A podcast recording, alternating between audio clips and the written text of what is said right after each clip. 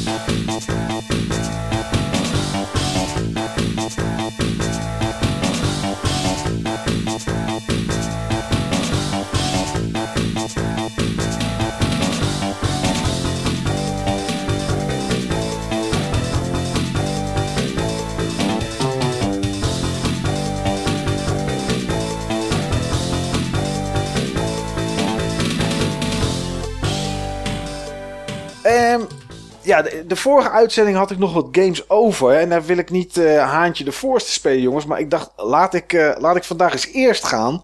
Want ik heb nogal wat om het over te hebben.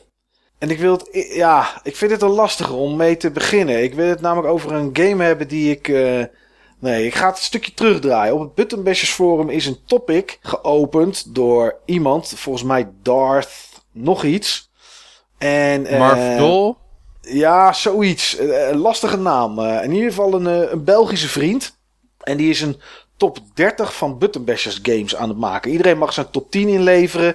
En afhankelijk van of hij op plaats 1 staat, krijgt hij 10 punten. Nou ja, op die manier is hij een, eh, een top 10 aan het samenstellen. En ik heb eh, een top 30 bedoel ik. En ik heb in mijn top 10 heb ik op 1 heb ik EverQuest gezet. Omdat dat een game is waar ik heel mijn leven door meeste plezier aan heb gehad. eh, eh, meeste tijd ooit, denk ik, heb, in heb gestoken en dat soort dingen. Nu is er op eh, Hemelvaartsdag was het volgens mij, of de dag ervoor, op die woensdag 27 mei, is er een nieuwe EverQuest server in het leven gekomen. Eh, EverQuest is uit 1999. Er zijn inmiddels vijf, nee, 23 expansions van. En dit jaar komt de nummer 24 uit. Dus dat is nog steeds levendig. Het wordt ook nog steeds behoorlijk gespeeld. En ja, er kwam een nieuwe server uit. En ik had zoiets van: ik moet het weer gaan doen. Ik moet weer EverQuest gaan spelen. En die nieuwe server, die heet de Agnar. En dat houdt in. ehm, nou, de naam houdt eigenlijk niks in. Maar het is een progression server. En die is pop-locked. Nou, het zal jullie helemaal niet zeggen. Maar. ehm, Poplocked. Poplocked, ja. Pop staat voor eh, eh, een expansion van EverQuest die uitgekomen is. Ehm, dat is de achtste expansion. En wat ze doen is eh, als progression server dat op dit moment is de EverQuest die je op Agnar speelt is kaal. Het is de allereerste EverQuest. Er zijn wel een aantal verbeteringen door de jaren heen eh, gedaan met het loot systeem. eh, wat grafische dingen. Er zijn wat steden zijn daar anders ingedeeld. eh, om het wat meer van nu te maken, zeg maar. Maar in principe is het de kale basis EverQuest. Dus de drie gebieden die er toen waren, die zijn er nu ook. Botensysteem, dat soort dingen. Dat is er allemaal. Er zijn geen mounts waar je op kan vliegen. Dat soort dingen is er allemaal niet. Gewoon EverQuest. En elke 12 maanden komt daar een nieuwe uitbreiding bij. Dus ehm, ze zijn begonnen op 27 mei, zeg ik uit mijn hoofd. Ehm 12 weken later komt eh, de Runes of Kunark. Dat Elke de 12 eerste weken, dus niet 12 maanden, eh, maar 12 sorry, weken. 12, ma- sorry, 12 weken. Ja, ik zei maanden, maar nee, het is, het is weken. Elk, elke 12 weken komt er een nieuwe uitbreiding bij. Runes of Kunark, eh Luklin komt er naderbij. Tot, eh, totdat ze aan, aan pop, pop. Nee, eh, ja, tot aan pop komen. Dus dat is, dat is de bedoeling. En ik had zoiets van: oké, ik ga het doen. Ik had, eh, we hebben het in de uitzending over eh, YouTube en Twitch kijken. Ik, hè, zei ik dat ik best wel vaak naar een EverQuest kanaal zat te kijken. En dat, ja, dat vind ik super leuk om te, om, te, om te zien. Heel relaxed. Ik ging het doen. Nou, toen liep ik tegen de moderne beperkingen aan van heden ten dagen. En eh, vooral aan mijn kant moet ik zeggen, want ehm, ik heb geen creditcard. Eh, vind ik tegenwoordig ook niet echt meer nodig, dacht ik. Want eh, ja, met PayPal kan je tegenwoordig bijna overal wel betalen. Ehm, op Steam kan je met Ideal betalen. Eh, ja, weet je, ik kom eigenlijk overal wel met PayPal en met, met Ideal. Zo niet bij Daybreak. Daybreak, dat zijn de mannen en vrouwen die nu EverQuest in handen hebben. Vroeger was dat Sony. Ehm, eh, ja, ik moest daar eh, een, subscription, eh, een, een subscription kopen. Want je betaalt dan eh 12,99 dollar. Dan heb je All Access. Dan mag je EverQuest spelen op alle servers die er zijn. Maar ook EverQuest 2. Ehm, je mag H1Z1 mag je spelen. En er is nog... je hebt nog zo'n ehm, DC of zo'n Marvel MMO. Marvel Heroes volgens mij of zo. Die mag je ook spelen. Alle games die onder hun, eh, onder hun platform vallen mag je dan spelen. Maar ik heb geen creditcard. Dus ik kon bij Daybreak zelf kon ik niet een subscription kopen. Maar je kon wel een subs- een subscription kopen via Steam. Ik denk nou, bij Steam kan ik met Ideal betalen. Dus dan ga ik dat doen. Dus ik 15 euro op, in mijn Steam wallet gedumpt. En ik eh, ben daar aan het afrekenen. En vlak voor het einde zegt hij: Ja, is prima dat je dat doet. Maar ook hier willen we een creditcard hebben. Want eh, ja, voor de volgende maanden. Maar ja, ik weet ten eerste helemaal niet of ik de volgende maand nog wel ga spelen. Maar ja, Eh, ik heb hem niet. Nou, toen heb ik gekeken naar prepay creditcards. Nou, dat, uh, dat werd allemaal lastig, want dat duurde allemaal lang. Want dat gingen ze naar je opsturen en weet ik wat allemaal. Dus daar werd ik niet vrolijk van. Want ik wilde het, omdat, het, omdat we vier dagen vrij hadden met, met hemelvaart, wilde ik het op dat moment spelen. Dus dat ging ook niet. Toen heb ik s'avonds zitten kijken, oké, okay, wat kan ik dan doen? Toen zag ik dat ze bij de Primera hadden ze prepaid creditcards. als een soort van giftcard. Ik denk, nou, dan doe ik dat. Maar werkt dat? Ik navragen en nalezen bij de, bij de ontwikkelaar, bij Daybreak, kreeg ik als antwoord terug: soms werkt het. Oh, heel betrouwbaar. Ja, maar soms ook niet. Ik denk, ja, wat moet ik nu doen? Ik wil EverQuest spelen. Toen uh, bleek er één optie te zijn. Net zoals in World of Warcraft heb je, heb je coins of tokens. Tokens heten ze daar. WoW tokens geloof ik. Um, en die heb je in EverQuest ook. En daar heten ze chrono's. En een chrono is een item in EverQuest. Wat je kan uh, consumeren voor 30 dagen all access toegang. En dat item dat kan je kopen met echt geld. Dan krijg je dat in de game. Dan zou je het in de game bijvoorbeeld kunnen verkopen voor in-game currency. Zodat je met geld, echte met euro's en dollars, uh, toch uh, in-game gold en platinum kan kopen. Maar je kan hem ook kopen op de website van Daybreak en dan zelf consumeren. Nou, je raadt het nooit, dat kon wel met PayPal. Goed, denk dit is maar op. Was wel een stukje duurder trouwens. Was uh, 18 dollar in plaats van uh, eh, 13 dollar voor een subscription. Maar denk ja, ik heb inmiddels ook al 15 euro weggegooid uh, op mijn Steam-account. Het staat wel daar in mijn wallet. Maar goed, ik zou niet weten wat ik op dit moment moet kopen. Dus nou ja, goed, dat laten we daar sudderen. Um, dus ik die chrono gekocht. Maar het probleem met die chrono is, die wordt met de hand toegevoegd door Daybreak. Dat gaat niet automatisch. Het is niet dat je online dat item koopt op de website. Je betaalt met PayPal. Zij krijgen jou hoor, meneer, eh, meneer Bunschoten heeft betaald. Uh, dus geef dat item maar vrij. Nee, dat moeten ze met de hand doen. En de reden daarvoor is uh, fraudeachtige praktijken. Maar goed, het was donderdag. Ik had die chrono gekocht en er stond bij: het kan 24 uur duren voordat je hem hebt. Nou, ik kocht hem ergens rond een uur of 12. Ik eh, rond een uur of 1 natuurlijk toch kijken. Ik denk, ja, het zal wel gewoon eh, een soort van policy zijn. Dat zeggen, ja, het kan 24 uur duren voordat je hem hebt. Hè, als er een keer ergens vertraging is. Nou, ik kan je vertellen, het duurde meer dan 24 uur. Want de volgende dag rond een uur of drie had ik hem nog niet. Dus toen had ik support lastig gevallen en gezegd van... joh, luister, ik wil echt heel graag spelen. En ik had al een ticket geopend voor betalen met PayPal. Of dat überhaupt kon. En uh, kan je niet even wat voor me doen? En uh, nou, een beetje geslijmd.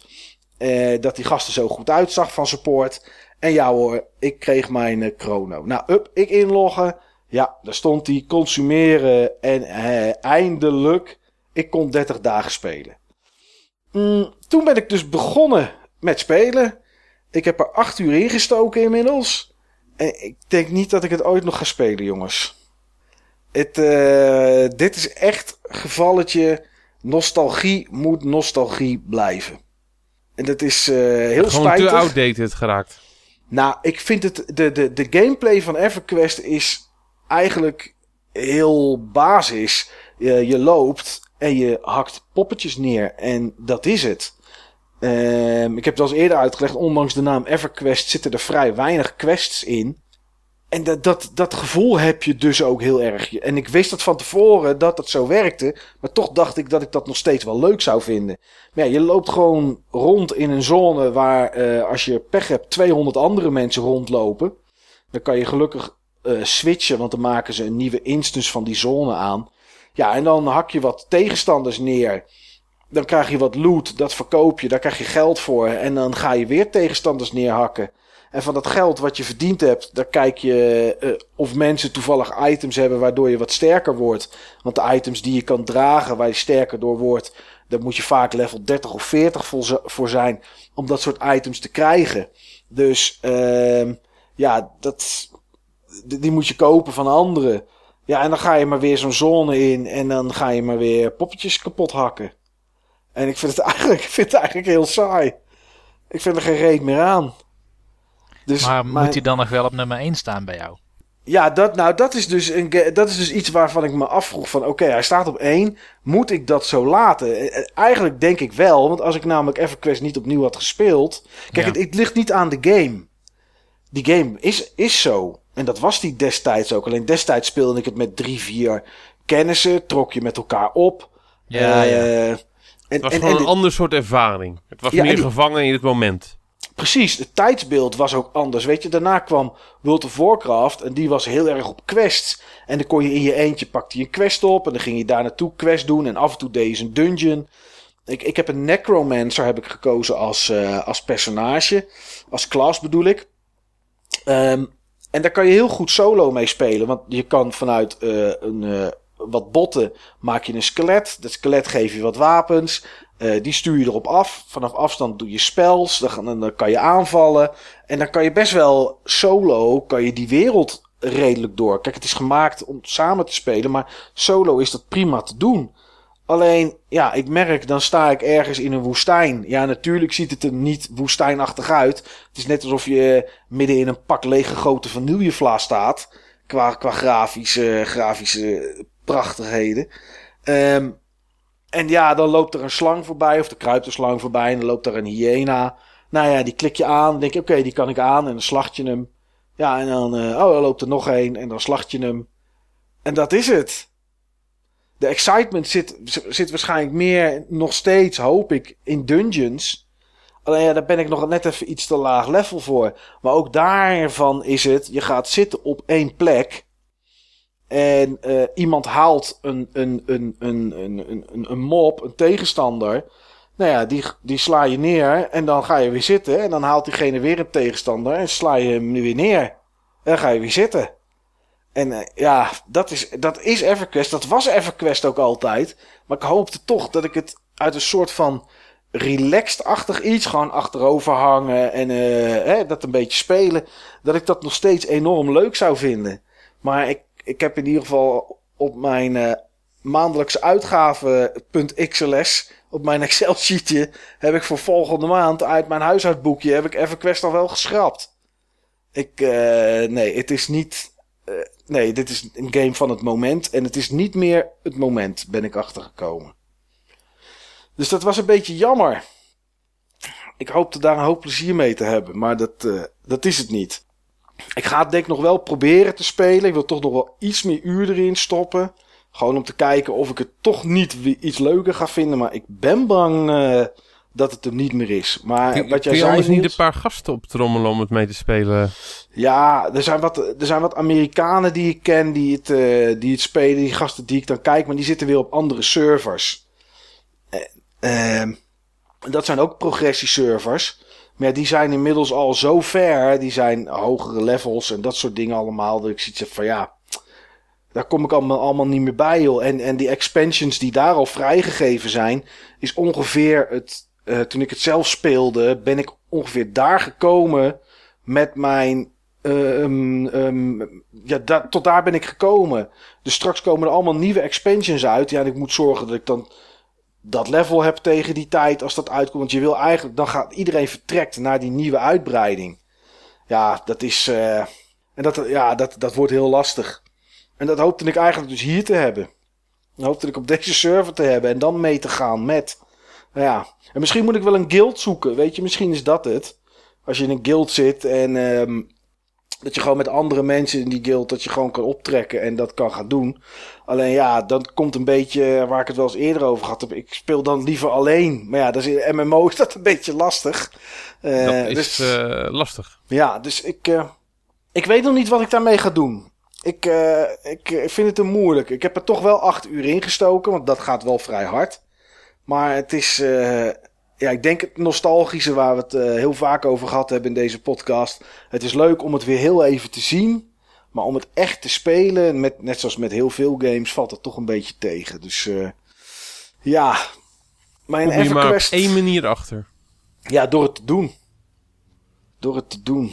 Nou goed. Ehm, iets anders wat ik gespeeld heb, wat ik namelijk nog nooit had gespeeld, is Loco Roco Remastered. Heeft een van jullie die game op de PSP gespeeld, jongens? Ik heb die op de PSP. En gespeeld. Oké. En Ik jij, niet. Steve? Ik nou, niet. oké. Nou ja, goed. eh, de gameplay is, eh, is hetzelfde gebleven. Loco Roco Remastered is uitgekomen voor de PS4.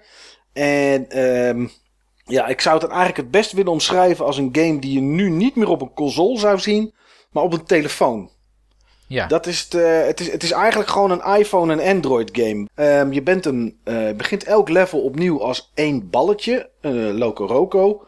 En door eh besjes op te eten vermenigvuldigt die zich zeg maar nog eventjes op dat moment intern. Je ziet een tellertje bovenlopen uit hoeveel Loco Roco's je bestaat en je groeit dan iets, dan word je groter. En de bedoeling is het eigenlijk dat je gewoon van punt A naar punt B komt door het level heen. Niet zo heel erg spannend. En dat je onderweg, en dat is dan waar het hem een beetje in zit, allerlei eh, collectibles verzamelt. Ehm, je, het is een buitenaards, eh, buitenaards wezen wat je bent. Je speelt het op een, eh, op een andere planeet dan aarde. En daar leef je als Loco samen met de Moei. Een van de soort poppetjesachtig iets.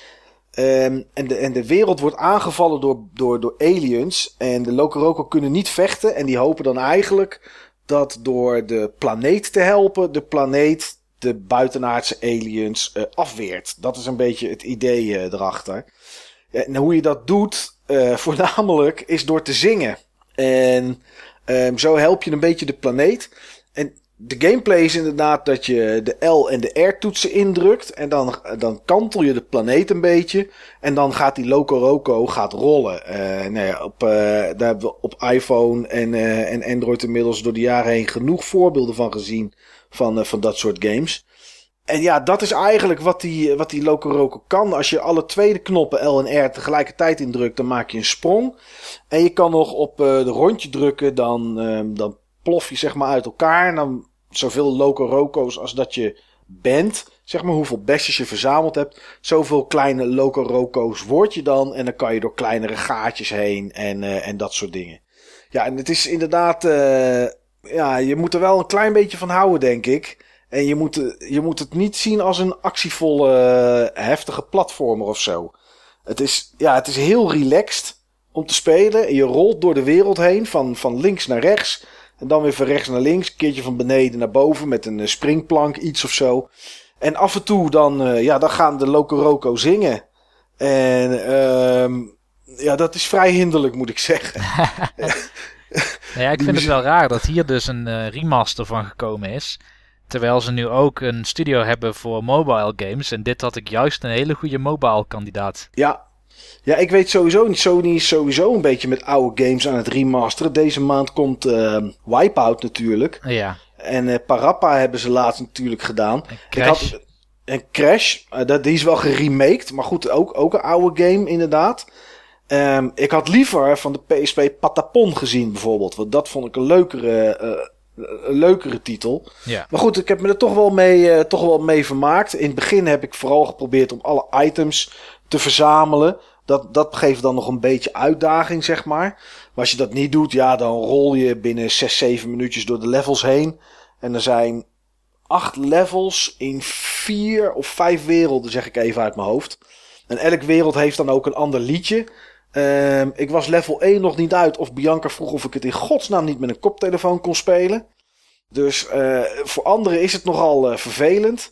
Eh, en hoe zacht je je tv ook zet. Op het moment dat de Loco Roco's gaan zingen. Komt het uit de speaker van je PS4 controller. Ja, het enige wat je dan kan doen is je duim erop houden, zeg maar. Dat Dus is, dan is er eh, geen ontsnappen aan. dan is er geen ontsnappen aan. En Bianca lag rustig in de tuin. Dus op het moment dat ze gingen zingen, rende ik ook snel naar de tuin toe. En gaf ik haar de controller. Zodat ze nog even mee kon genieten van eh, de Loco Roco die aan het zingen waren. Ehm ja, de Search. Die had ik eigenlijk de vorige keer eh, had ik het daarover willen hebben. Maar daar kwamen we niet meer aan toe. Die heb ik ook gespeeld. En eh, nou Niels, er zit natuurlijk likkerbaarden. En zit je al uit te kijken naar wat ik ervan vind. Ik heb het al gelezen. Oh, je hebt de review al gelezen. ja. Ja. Nou ja, de Search is eh, Dark Souls, maar dan eh, in een fabriek. Met exosuits. Dus het is nogal mechanisch. En dat zijn de tegenstanders ook. Ehm ja, en dat is wel aardig. Nee, ik denk dat dat... Nee, ja. Het is, het is ehm, van dezelfde studio als eh, Lords of the Fallen. Nou, die heb ik die nooit gespeeld. Dus ik weet niet hoe goed of hoe slecht die was. Ik weet niet, heeft even jullie die gespeeld, jongens? Ik voor een stukje. Oké. Dat, dat greep me niet. Nee. Maar dat was maar wel... dat ligt bij mij aan het genre. Het genre spreekt me gewoon niet zo aan. Nee, nee. Maar dat was wel iets meer sfeervol, denk ik, dan een fabriekshal. Of niet, Steve? Want dat was een beetje met kastelen en zo, toch? En ridders? Uh, ja, dat klopt. Nou, dat is, dat is de Search niet. Um, het is wel van dezelfde studio dus. En ja, je bent... Het is, ja, het is eigenlijk gewoon Dark Souls. Ik bedoel, uh, laten we er niet, niet omheen draaien. Inmiddels is het een soort genre geworden. Laten we maar zo noemen. En um, ja, de, de Search... Je, je speelt een man in een rolstoel... die aankomt bij een fabriek. En in die fabriek daar is het, uh, ja, wat ze daar maken is, zijn producten om de wereld te verbeteren. Want de wereld is helemaal, uh, gaat helemaal naar de knoppen. Want uh, vervuiling en dat soort zaken allemaal. En nou ja, goed. daar ga je naartoe. En zij, ehm, zij kunnen jou ook helpen om, om ervoor te zorgen dat je weer kan lopen. Daar krijg je een exosuit voor. Maar tijdens het aanmeten van dat pak gaat er iets mis. En op het moment dat je wakker wordt, ja, is eigenlijk alles in die fabriek is, is kapot. Er is, uh, wat er gebeurd is, dat weet je op dat moment niet. En ja, het is aan jou om, om daarachter te komen. Wat je aan het einde niet echt komt. Maar goed. Uh, en, en ja, dan ga je lopen en krijg je tegenstanders. En dat is à la Dark Souls. Waarom ik het iets minder vind, is, is vooral de sfeer in de game. Het is koud en kil. En in alle Dark Souls, uh, Demon Souls en Bloodborne game uh, is dat toch, ja, dat is gewoon sfeervol en er hangt iets onheilspellends. En ja, ik weet niet, dat is, dat is een hele gave sfeer. Nou, dat mist heel erg in de search. En waar ik heel erg van baal, is dat ze je eigenlijk niet echt een mogelijkheid geven om de game te spelen zoals je dat zelf zou willen. Um, Toevallig had het voor de uitzending hadden Niels en ik het even over Bloodborne. In Bloodborne had je in de ene hand een wapen en in de andere kant een pistool. Met het pistool kon je, uh, als je op het juiste moment schoot, kon je tegenstanders even uh, staggeren, zeg maar. Dat ze stilstonden en kon je, kon je een aanval doen. Maar je, de game was ook prima te spelen zonder dat pistool te gebruiken. In uh, Dark Souls kan je kiezen om met een schild te lopen en een wapen. Of gewoon met een wapen in twee handen. En daar is het dan ook zeg echt maar voor, is het echt zeg maar voor gemaakt ook, om dat op meerdere manieren te kunnen doen. Of je kan het met magic doen, wat je maar wil. En in de search heb ik uh, de hele game het gevoel gehad dat ik moest blokken of ik nu wilde of niet. Uh, twee klappen, eigenlijk bijna altijd twee klappen van de tegenstander en ik was gewoon kapot. En dat is, uh, zelfs in Dark Souls is dat, is dat nou ja, bij sommige tegenstanders wel, maar hier is bij elke tegenstander. En het vervelende bij blokken is dat blokken kost je stamina. Maar niet alleen als je geraakt wordt, wat in de Dark Souls games zo is. Maar ook gewoon het blokken zelf kost je stamina. Dus als jij ergens gaat staan en er komt een tegenstander op je af en je begint met blokken. Dan loopt je stamina al terug en is je stamina op, kan je en niet meer blokken, en niet meer rennen, en niet meer slaan. En het, nadeel aan, aan de search ook nog is, dat als je blokt, kan je niet bewegen. Dus je kan niet lopen. En dat, ja, dat, dat stond me Ja, toch wel een beetje tegen. Inderdaad. Ja, ik weet niet. Het is, het is, ik, wat ik gevoel erbij kreeg is van we willen het moeilijk maken. En daardoor gaan we er extra dingen bij verzinnen. En dat, zo zitten er meer dingen in de game.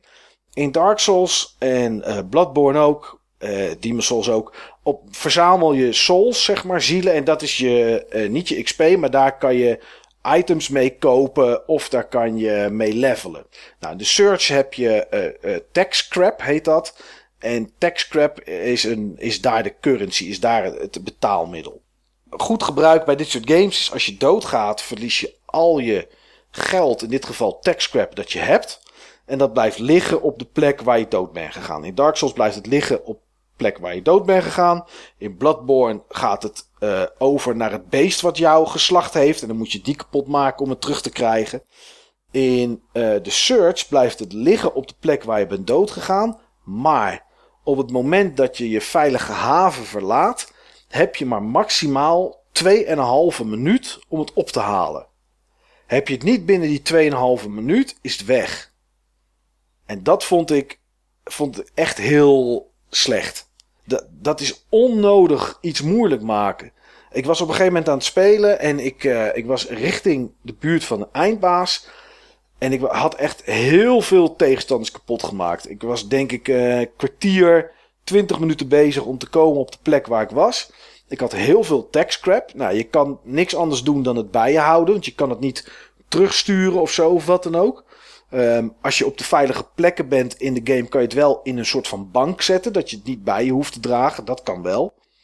Maar ik ging daar kapot. En ik had iets van 20 of 22.000 tech scrap. Daar moet je echt wel lang, lang voor werken, zeg maar. En ik ging dood. En ik wist gewoon, ik kan niet binnen 2,5 minuut terug op die plek zijn. Dat red ik niet. Ook al ren ik overal langs, er zijn plekken waar ik gewoon niet langs kan rennen.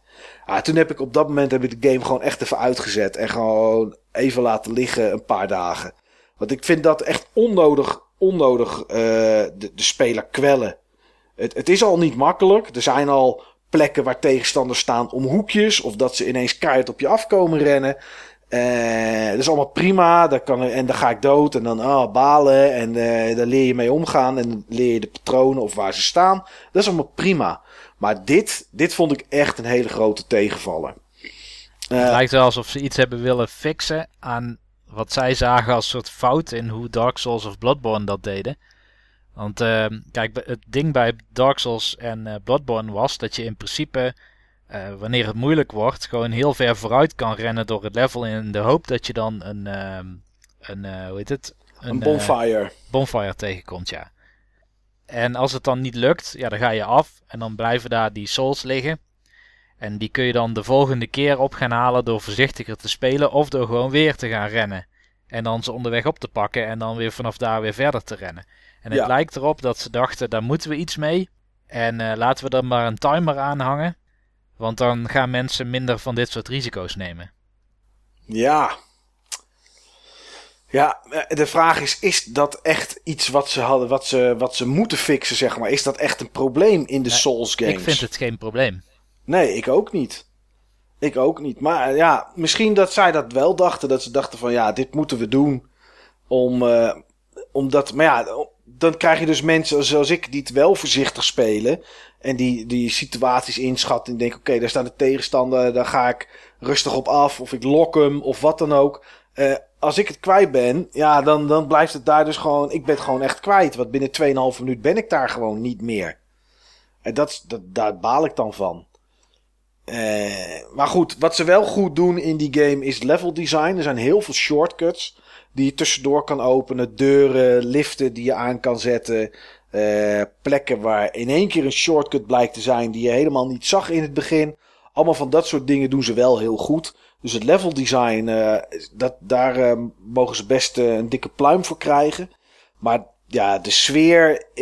Ze hebben iets anders willen doen dan wat we in Dark Souls zagen. En dus ook blijkbaar in Lords of the Fallen. Hè, iets met ridders en in kastelen en dat soort dingen allemaal.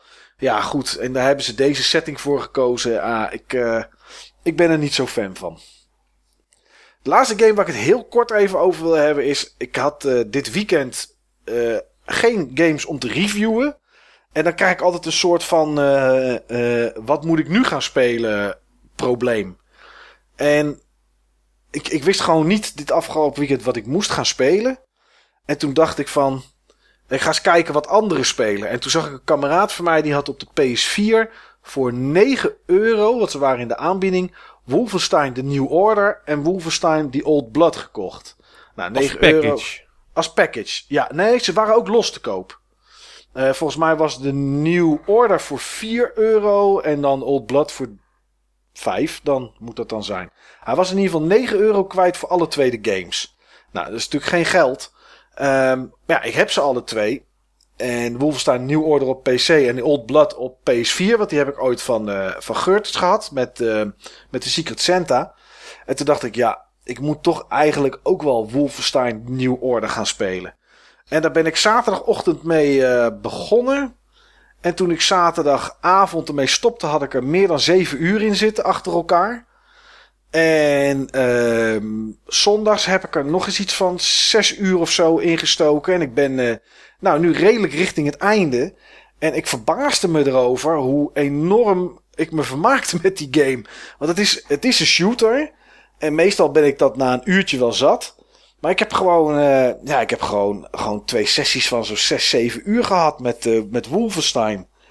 Ehm, en ja, iedereen die nog een keer een shooter zoekt, waar, waar, waar ook nog een beetje verhaal in zit en interessante personages en een beetje stealth, want je moet af en toe heb je niks anders dan een mes in handen om een beetje te sluipen.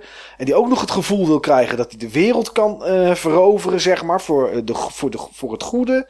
Dan zou ik toch zeggen, probeer de New Order eens. Want het is echt, echt een hele goede game. Ik, ik wist het al wel van de reviews en van destijds en iedereen had het erover. Maar ja, ik kwam er nooit van om te spelen. Ik heb het ooit een keer gespeeld tot aan missie 2. Toen dacht ik, nou, dit moet ik echt een keer verder gaan spelen. Maar dat was, uh, zag ik aan mijn achievements ergens in 2015.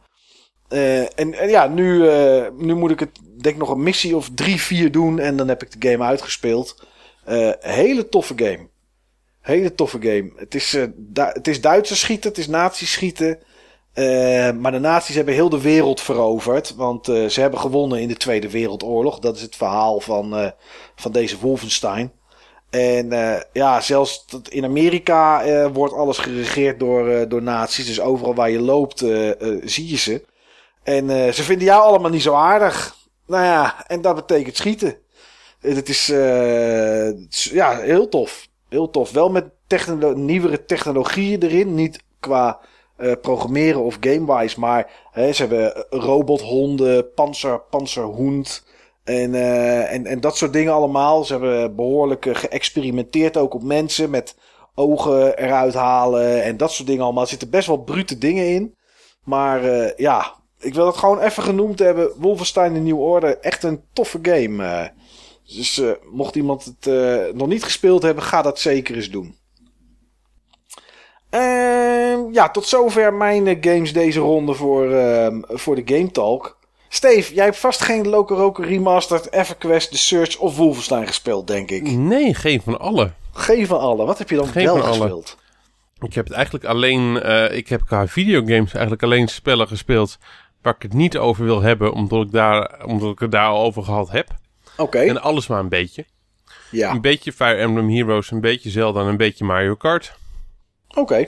Van alle games uh, waar ik mee aan de slag ben... heb ik eigenlijk alleen Wonderboy niet uh, gespeeld. Maar waar ik het wel over wil hebben, en daar is ook een videogame van, is een, uh, een bordspel. Eigenlijk is het geen bordspel. Eigenlijk is het een, uh, een kaartspel. Maar eigenlijk is het ook geen kaartspel. Het is een rollenspel met behulp van kaarten. Uh, dat is één nacht weerwolven. Ik heb die titel al eens een keer gehoord. Ja, ik, het, het is een game die uh, in sommige opzichten lijkt op een, uh, op een game binnen een genre waar uh, Niels zowel fan van is als waarbij Niels me erin heeft geïntroduceerd. De Traitor Games natuurlijk. Ja. Ja. En um, we hebben hem met een vriendengroep gespeeld op mijn verjaardag. Oké. Okay. En we vonden hem allemaal briljant. Ook gewoon qua ervaring die het, die het, die het gaf. We hebben echt zo enorm, enorm gelachen. Er was maar één van die jongens die hem kende. En voor de rest was hij allemaal nieuw. Eén Nacht Weerwolven is een, uh, is een traitor game. Een, uh, een game waarin je zeg maar een bepaalde rol toe, uh, toebedeeld krijgt. Waarbij je vervolgens moet handelen naar die rol. En in feite ben je verdeeld in twee kampen. En op het moment dat je ervoor kiest, kan je eigenlijk zeg maar ook in, in drie of vier kampen verdeeld zijn. Maar is vooral met grotere groepen. Wat één nacht weerwolven heel cool maakt, is dat hij extreem geschikt is voor kleine groepen. Je kan hem al spelen vanaf drie personen. Dat is niet gebruikelijk in een trader game. Oké, okay, ja, daar was ik ook wel benieuwd naar. Want ik, pakte, ik heb toevallig het doosje in mijn handen van gewoon de weerwolven van Wakkerdam. Ja. En ik weet, ik heb, ik heb die game liggen, ik heb nog nooit gespeeld, want dan moet je minimaal acht mensen voor hebben. Nou, ik ken niet eens acht mensen. Dus, uh, dus ik vroeg me al af of dit, uh, of dit ook met zoveel mensen was, maar dus niet. Nee, het is eigenlijk een tegenreactie op dat spel wat jij daar hebt liggen. Je kan ja. spelen met kleinere groepen. En daarnaast, het duurt heel kort. Oké. Okay. Het zijn potjes van, um, ja, van nog geen 10 minuten. Oh, dat is wel lekker. Ja, en het, uh, bij Weerwolven van Wakkerdam, dat speelt zich af over meerdere nachten. En op het moment van dat je zeg maar aan het, eerst, aan het begin van het spel eruit ligt, omdat je er verdacht van wordt om een weerwolf te zijn, dan sta je een uur of langer aan de zijlijn een beetje toe te kijken. Oh. Dat, Dus is, dat niet, nou- eh, dat is niet zo best. Nee, dat, dat, eh, daar is één nacht weerwolven een tegenreactie op. Ik zie het ook staan, ja. 45 plus minuten staat erop eh Ja. op Weerwolven. Eh Eén nacht weerwolven ehm, is, een, is een spel waarin je zeg maar op hoofdlijnen een groep dorpelingen hebt die de weerwolven proberen te ontmaskeren. En de weerwolven, Ja. ja, die zeg maar het opnemen tegen de dorpelingen en eh, eh, uiteindelijk zeg maar willen overleven. Ehm, de weerwolven kunnen winnen op het moment dat er een dorpeling onterecht eh, beschuldigd wordt en op de, op de brandstapel gaat. En ja, de dorpeling als er een weerwolf inderdaad op de brandstapel eh, gaat. Want ze winden er geen doekjes om, hè. Gelijk de brandstapel De op met die gast. brandstapel, ja, was gebruikelijk. was gebruikelijk in die tijd. Ja, ja. En ehm, eh, wat het spel zo leuk maakt, een aantal dingen. Ehm, in Weerwolven van Wakkerdam heb je een, ehm, een verteller, een spelleider. Die heb je in deze Weerwolven ook. Alleen dat is een app. Je kan er ook gewoon iemand opzetten. Eh, en ik- dat, is, mag ik, eh, dat kan iemand zijn die het zeg maar ook gewoon combineert met meespelen. Want zo ingewikkeld is het niet om een spelleider te zijn. Maar je hebt gewoon een app. eh, waarbij je van tevoren instelt welke rollen meedoen.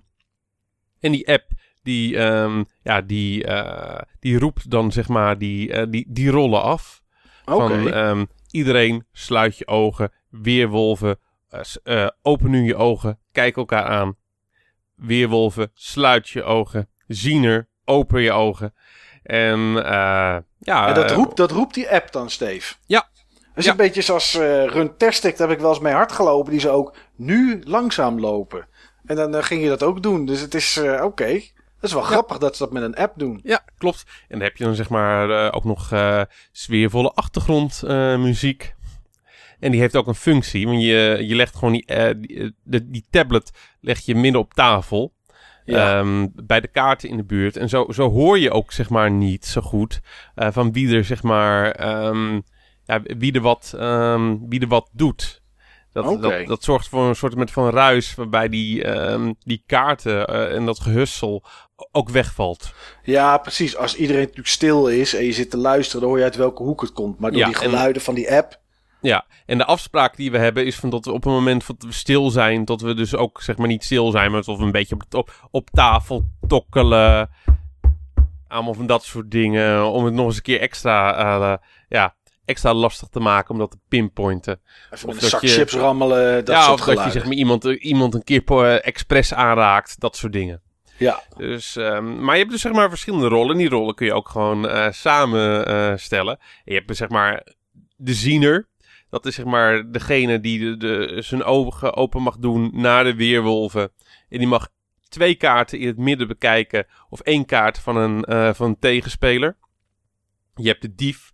Die mag ehm, zijn kaarten omwisselen met, ehm, met eh, een andere speler. En dan vervolgens die kaart bekijken. Je hebt eh, de ja, intrigant of iets dergelijks. Ik ben eventjes vergeten hoe het precies heet. Maar die mag twee kaarten van andere mensen om, eh, omwisselen. eh, zonder er te kijken. Je hebt de slapeloze. Die mag eh, zijn of haar kaart aan het eind van, van de nacht als laatste bekijken. En, en die weet zo nog ja, wie hij is. En, ehm, en het kan namelijk zijn, door dat, door dat geruil en door het gehussel, dat je opeens zeg maar een andere rol hebt. ja, precies. En dan moet je, je- Dat je in één keer een, een weerwolf bent in plaats van gewoon een dorpeling, zeg maar. Ja, en in het eerste potje dat we speelden, of het eerste tweede potje, ik was, ehm, ik was de slapeloze. Oh. Dus, ik, eh, dus ik bekijk mijn kaart en ik, fuck, weerwolf. Dus dan moet je opeens, zeg maar, eh, ja, eh, heel anders gaan spelen. Oké. En die, die weerwolven, die hebben zeg maar, als het er twee zijn, het kan ook zijn dat een weerwolf in de midden ligt, liggen altijd een paar kaarten in de midden, om het zeg maar ingewikkelder te maken. Je mag ook ruilen met, eh, met de midden. Maar ehm, die weerwolven, op het moment dat er twee zijn, dan weten ze van elkaar van wie dat zijn. Dus dan kunnen ze lekker gewoon tegen eh, de andere gaan, eh, gaan sparren. Maar als je zeg maar een weerwolf geworden bent halverwege het spel, dan heb je die info helemaal niet. Nee. Totdat, misschien- je, totdat je je ogen open mag doen, net zoals iedereen natuurlijk. Of Ja. als alle weerwolven, dan wel. Ja. En die, ehm, ja, die andere weerwolven, die weten ook, zeg maar, eh, eh, ook, ook niet van, dat, jij, ehm, dat jij een weerwolf bent. En eh, ja, het, het- het is in ieder geval echt hilarisch. Het is echt hilarisch. Als je met een leuke groep speelt en die, ehm, op het moment dat iedereen zijn open, ogend, open ogen opent, heb je zeg maar vijf minuten de tijd om, om zeg maar met z'n allen te besluiten wie er op de brandstapel gaat. Ja. Ja, dat, dat doe je dus zeg maar op, om op eh, degene die jij op de brandstapel wil hebben te wijzen. En uiteindelijk is de meeste stemmen gelden. Oké. Dus ja, het is echt een hilarisch spel. Nou, het klinkt, het, klinkt wel, het klinkt wel als echt een gezellige partygame inderdaad. Ja, dat was het ook absoluut. En vooral die app die zeg maar eh, ja, die, die vertellerrol over, overneemt, dat voegt gewoon echt toe. Ja. En dit type spel ehm shined eigenlijk vooral op het moment van dat, ehm, dat je een wat grotere groep hebt. En dit is gewoon echt leuk met, ehm, met, eh, met kleinere groepen. Ehm, we hadden het eerst met z'n vieren gespeeld. En dat, was, eh, en dat was leuk. En toen hadden we met z'n vijven gespeeld. En toen werd het nog leuker. Het was echt een tof spel. Oké. Dus eh, ik, Je wil hem ook nog eens een keer interesse met, ook gewekt hoor, Steve. Ik wil hem ook nog eens een keer met jullie spelen. Ik weet zeker dat jij hem tof zou vinden, eh, Niels. Ja, dat gevoel heb ik ook wel, ja. Oké. Eén nacht weerwolven, zo heet Eén het. hè? nacht weerwolven. En ehm, volgens mij is ze voor Xbox. Ehm, ik weet eventjes niet meer of het Xbox 360 is of Xbox One. Is er ook versie, een, volgens mij een versie met Connect. Van dat je dan zeg maar... eh, ja, dat je dan zeg maar eh, op die manier via die camera dan zeg maar ook kijkt. Ja, ja, ja. Dat je kan zien wie zijn ogen open doet en wie niet. Ja, en volgens mij, ehm, ja, volgens mij neemt het spel, het, het spel dan ook deels over. Van dat, eh, dat die camera dan ook alle- alleen op die momenten werkt. Oh, zo. Ik zie hier één nacht weerwolven en waaghalzen. Dat is hem. Dat is hem inderdaad. Ja. Oké. Ja, er is eh, ook zeg maar nog een, ehm, een uitbreiding op. Een standalone uitbreiding. Ehm dageraad. Heeft weer andere rollen die net iets anders zijn. Je kan het allemaal combineren zoals je het wil. Het is zo modulair. Het is echt leuk. Oké. En even kijken. Op de Xbox heb je Werewolves Within Oké. van, eh, van Ubisoft. Hey, hoop je het niet... eh, Oh nee, dat, nee, laat maar. Dat is de vorige uitzending. hoop je niet op, op een vervolg. Maar dat heeft niet zoveel nut. Nee, nee, nee. Dat, eh, even kijken hoor. En dat is... eh, er is zelfs een VR-versie van inmiddels. Oh, Games Night come to, comes to VR. Oh, dit heb ik wel gezien, ja. Ik heb hier een trailer van gezien, volgens mij. Of een... eh, Ik heb hier iets van gezien. Ja. Oh, hij, is, eh, PlayStation, ja, hij was niet Connect, hij was PlayStation VR. Oh, oké. Er is al een launch trailer van, dus het is er al eh 6 het is- december. Het is er, eh, het is er ook. Ja.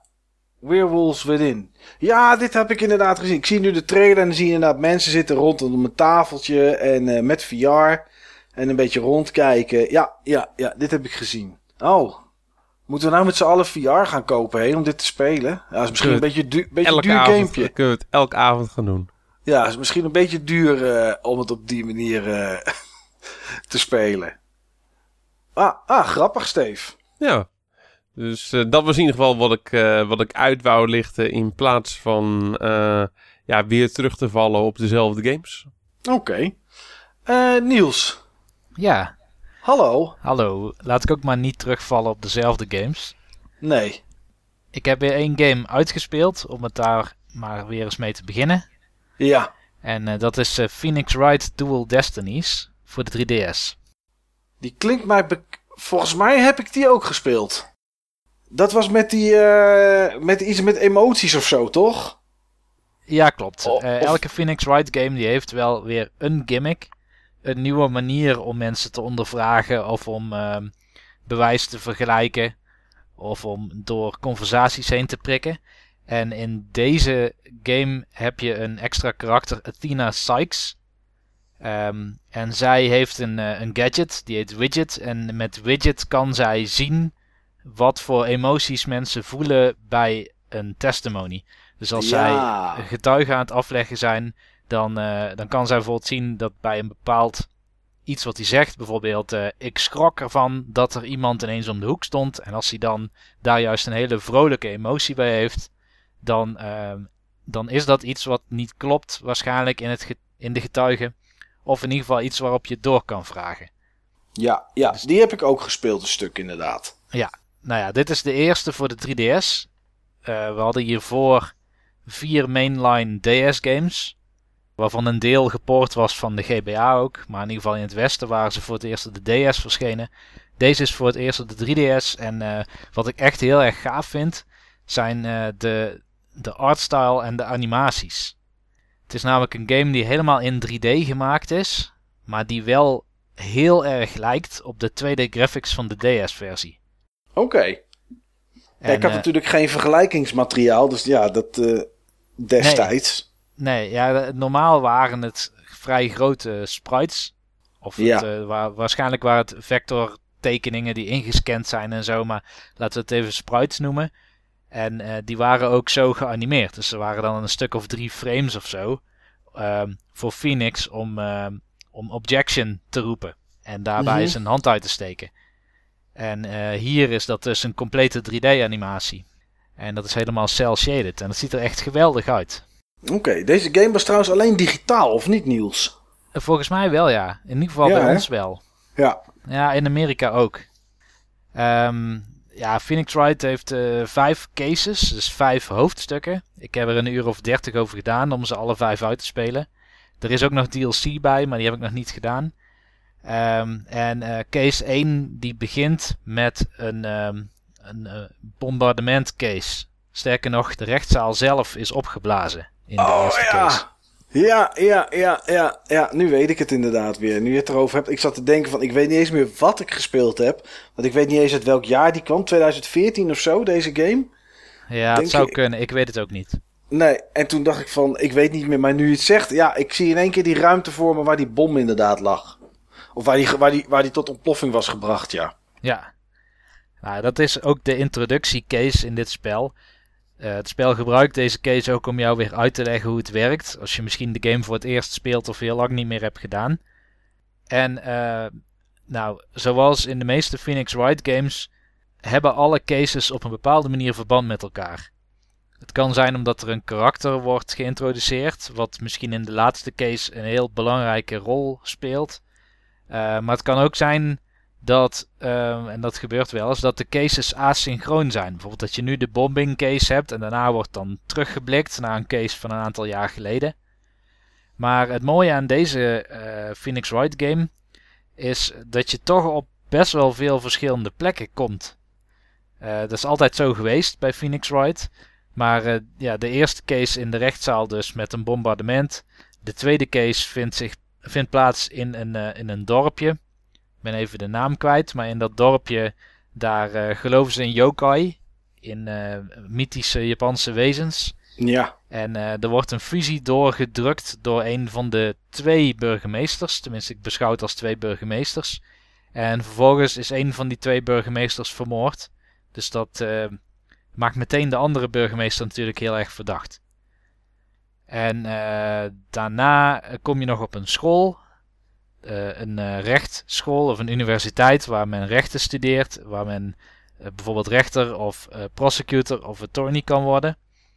En uiteindelijk zit je in een space center. Niet een soort maanbasis of zo, maar een ja, een soort NASA, NASA iets Precies, of zo. Een soort ah, NASA. Okay, ja. ja. Um, en er worden weer nieuwe karakters geïntroduceerd. En dat vind ik altijd een van de leuke dingen aan deze spellen. Die karakters die zijn zo cool gemaakt. Die, hebben zo'n, uh, die zijn ook zo goed gelokaliseerd. Die teksten zijn echt heel erg leuk vertaald. Is niet iedereen het mee eens. Want sommige mensen vinden het raar dat, uh, ik noem maar wat, dat ze hamburgers gaan eten. En dat is dan een westerse lokalisatie. Ja. Want in de, in de Japanse versie waren ze waarschijnlijk gewoon iets anders gaan eten. Maar ja. Ja, is dat, is dat zo? Ja, oké. Okay. Ja, ja sommige mensen dat... vallen daar heel erg over. Maar uh, okay. ik vind het juist leuk als men bij de lokalisatie verder gaat dan het letterlijk vertalen van de tekst. Ja, ik vind dat wel. Uh, het past meer bij iets wat wij zouden doen. Dus dat is dan toch prima. Ja, dat is het verschil tussen lokaliseren en vertalen, hè? Ja. Ja. Nee, ja, daar heb je gelijk in, Steve. Dat is... eh, Dat is ook zo. Ik kan me herinneren, in die eerste zaak met die ontploffing zat ook een robot die je moest ondervragen of zo, toch Niels? Ehm, er zit wel een robot in de game, maar die komt pas in de latere chapters aan, aan bod, volgens Oh. mij. In de eerste keer, ja, ik weet wel wat je bedoelt. Het is niet een robot, maar het is een man die bommen kan ontmantelen. Oh, die, die zit heeft in zo'n pak. kijker. Ja, ja, ja, dat is het inderdaad, ja. ja. Oh ja, het komt allemaal weer terug, inderdaad. Ja, oké. Ja, als je, als- Hm? hoe, goed, hoe goed vind je deze game te- ten opzichte van al die andere Ace Attorneys? eh? Eh, als we kijken naar de mainline, ja. dan vind ik het denk ik de één of twee na beste. Oké, oh, dat hebben ze netjes gedaan. Ik ben ook heel erg benieuwd naar Spirit of Justice. Die heb ik ook al gekocht. Dat is ook een digital-only title. Eh, die ga ik niet meteen alweer spelen. Nee. Maar als je eenmaal zo'n spel uitspeelt, dan heb je ook het gevoel wat mensen hebben na het kijken van een hele serie. Als die ten einde is. En je weet dan dat, ehm, dat er geen nieuwe aflevering meer komt met die karakters. Ja, ja, snap ik. Oké. Ik zie dat het ook uitgekomen is voor iOS en voor Android. Ja, volgens mij een week geleden of zo. Ja, 23 mei voor Android en iOS was er al eh, augustus 2014. Maar het is inderdaad net uit voor Android inderdaad. En daar, volgens mij leent het zich er ook prima voor eh, om het, het eh, ook, ja. met telefoon te spelen. Ja. Oké, grappig. Ja, Nog iets, nog iets anders, Niels.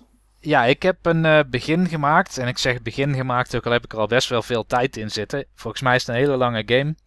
Aan eh, Yakuza Zero. Ja, dat is toch een reeks, hè. Die heb ik nooit gespeeld, maar ben ik toch altijd wel benieuwd naar. Maar iets houdt me tegen om het eraan te beginnen. En weet je wat het is dat je tegenhoudt? Nou, waarschijnlijk dat ik zoiets heb van: oké, ik wil dan bij de eerste game beginnen, want het is een reeks en ik weet niet eens of het opvolgende delen zijn. Mhm.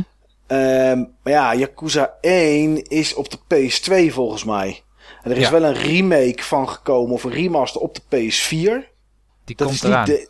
Oké, hij is er al in Japan, maar hier nog niet dan of zo. Ja, Oké, dat is niet Zero.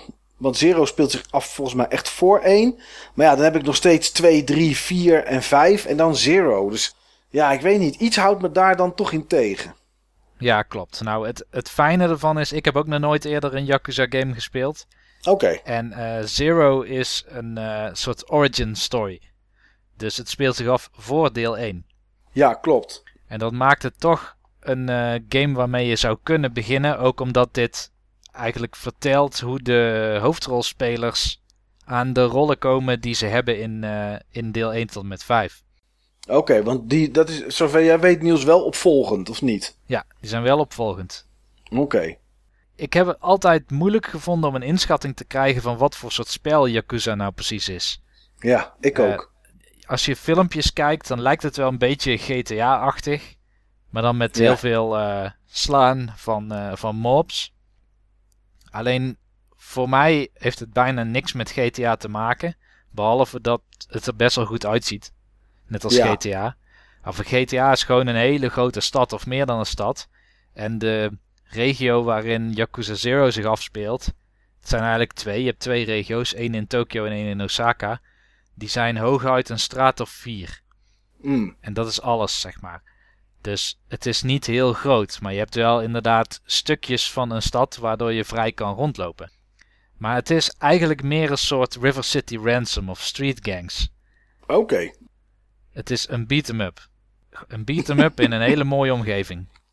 Ik dacht echt dat het een GTA-kloon was. Eh, Nou, kloon klinkt overdreven, maar dat echt GTA was inderdaad met een groot verhaal en een soort eh, missies RPG-achtig misschien en dat soort dingen. Dat dacht is ik ook dus- altijd. Dat is het dus totaal niet. Nou, het heeft wel invloeden van dat soort spellen. Ja, wat het aan invloed heeft van een soort GTA is dus dat je een best wel mooie omgeving hebt. Waar je vrij rond kan lopen. En waar sommige gebouwen ook betreedbaar van zijn. Ja, Het zijn dan meestal restaurantjes of supermarkten of zo. Ehm, het heeft misschien iets van een RPG in de zin van dat het battle systeem dat dat werkt met punten waarmee je nieuwe moves kan unlocken. Uit een soort skill tree. oké. Die betaal je met geld en je krijgt geld van, eh, van mobs in elkaar slaan. Uh, in tegenstelling tot een game als uh, GTA kun je niet zomaar iedereen slaan. Je vechtknop werkt ook alleen maar als er een boef in de buurt staat. Oké, want even, even voor mijn idee. Hè. Yakuza, dat is Japanse maffia. Ja. Maar jij speelt als de Japanse maffia of tegen de Japanse maffia? Uh, ja, dat een beetje van beide, zullen we maar zeggen. Oké. Want je, hebt, je, hebt, je hebt twee karakters die je speelt. De eerste, volgens mij drie hoofdstukken of zo, ben je uh, Kiryu. En Kiryu is een, um, iemand die inderdaad bij de maffia zit. Bij de Japanse maffia. En die heeft een uh, missie gekregen waarbij die geld van een uh, klant die een soort achterstallige betaling of zo had, moest terughalen. Ja. Alleen um, nadat hij dat heeft gedaan, en dat, daar gebruikt hij geweld bij, dus die slaat hij tegen de grond in een steegje. Als hij terugkomt, dan blijkt die man doodgeschoten te zijn. En okay. krijgt hij natuurlijk de schuld. Ja. En uh, die, uh, dat maffiahuis, of die clan, die willen natuurlijk niet daaraan lijden. Dus die hebben liever dat jij gewoon in de gevangenis zit. En uh, uh, Kirio is dus iemand die eigenlijk juist de maffia verlaat om erachter te komen wie nou precies erachter zit dat hij moet opdraaien voor de dood van iemand. Ja, precies. Die eigenlijk niet zelf heeft vermoord. Ja. Nee, precies, ja. En de andere personage die je speelt, uh, Majima heet hij. Dat is de baas van een hoogstesclub. Zeg maar een soort uh, nachtclub. En uh, die heeft ook wel iets met de maffia te maken, maar die wilde juist in. Oké. Okay. Dus die, die moet heel veel geld opbrengen voor de maffia om terug in de familie te komen. Hij heeft er volgens mij ook ooit bij gezeten. Maar op dit moment, op het moment dat je het spel speelt, dan horen ze beiden nog niet bij de maffia. En word je juist vaak aangevallen door rivaliserende of rivalende andere maffia. Ja, van an andere bendeleden. Ja. ja. En um, het vechten vind ik wel enorm repetitief. Dus dat is misschien okay. wel een minpunt. En het is toch hetgene wat je het meeste doet in dit spel. Uh, je loopt gewoon door die stad heen naar je volgende objective van het verhaal. En ja. het verhaal wil gewoon zeggen dat uh, op de kaart een punt staat waar je naartoe moet lopen. En daar komt dan een dialoog. En uh, misschien moet je daar iemand verslaan. Maar onderweg loop je gewoon door een straat en dan herkent iemand je misschien. Dan lopen er drie man op je af. Het zijn altijd drie man. Altijd. Oh. het zijn okay. of drie hooligans of drie uh, van andere maffiabenden. Of drie dronkenlappen. Of drie weet ik wat, bedrijfsmedewerkers in een bedrijf waar je niks te zoeken hebt. Zijn er altijd drie. En uh, die gaan heel makkelijk neer. Oh. Uh, wat wel leuk Daar is, aan... geen eer aan te behalen dus. nee, helemaal niet. Maar wat wel leuk is aan dit deel, is dat je verschillende vechtstijlen hebt, waartussen je ook kan wisselen tijdens het vechten. Weet je, net als Nio, zeg maar. Ja. Um, hier heb je bijvoorbeeld die Kiryu, die, uh, die heeft een soort allround vechtstijl, maar je kan ook bijvoorbeeld rush vechtstijl hebben. En dan is het meer net als de Matrix, dat je heel veel klappen uitdeelt in een seconde. Oké. Okay. Um, maar wat de Yakuza-serie volgens mij, want ik heb alleen dit deel nu gespeeld, ik zit in chapter 5, maar wat het volgens mij zo leuk maakt, zijn al die dingen eromheen. Dus de core game is best wel saai. Ja. Het is de hele tijd hetzelfde, er gebeurt weinig. Maar alles wat er omheen zich afspeelt, daar is extreem veel aandacht aan besteed. Dus je kan bijvoorbeeld een uh, arcade binnenlopen. Dat is dan een van de drie soorten gebouwen in uh, die straten waar je in kan. De meeste gebouwen zijn gewoon ja, scenery props, zeg maar. Mm -hmm. Maar een arcade kun je in. En in die arcade kun je gewoon Space Harrier spelen. Er zit een hele rom in de game. Oké. Okay. Of je kan uh, met van die, ja, zo'n kraan, zeg maar. Waar je ja. dan uh, geld in ja, gooit. Zo'n zo grijpmachine. Zo'n grijpmachine inderdaad. Kun je dan een dingetje pakken. En um, je hebt ook heel veel sidequests. En die sidequests, die, uh, die, die, duren maar 10 minuten of zo. Bijvoorbeeld, ik heb gisteren een sidequest gedaan. Dat een, uh, er stond een, een meisje in een straat. En die zei of dat ik er even kon helpen en kon doen alsof ik haar vriend was. Omdat haar vader langskwam en die maakt zich altijd heel erg zorgen over haar.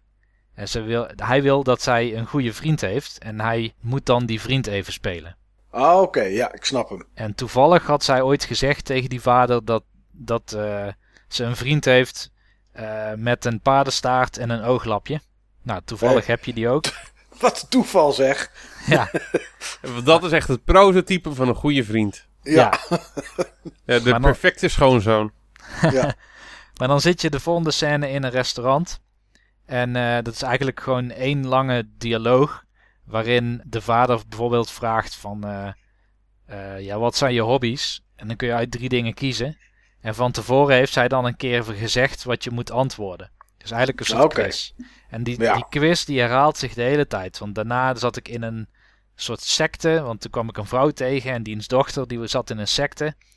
En in die secte heb je allerlei rituelen. En die hebben hele rare namen. En dan moet je die namen onthouden terwijl je rondleiding krijgt. En dan krijg je aan het eind een quiz. Oké. iemand had een eh, kruiswoordpuzzel gemaakt en dan moet je dan bij helpen. Nou, dat, dat soort dingen zitten er allemaal omheen. En dat is best wel leuk gedaan. En dat houdt de game ook fris. Dus ik vermoed dat deze game ook wel weer een uur of tachtig duurt om uit te spelen. Maar het zijn dan dit soort activiteiten die je door de game heen trekken. En de humor over het algemeen. Oké. Ja, ik heb tijdens jouw uitleg zitten luisteren en eh, afgevraagd of dit iets is wat ik moet kopen, inderdaad toch. Ik weet het nog niet, Niels.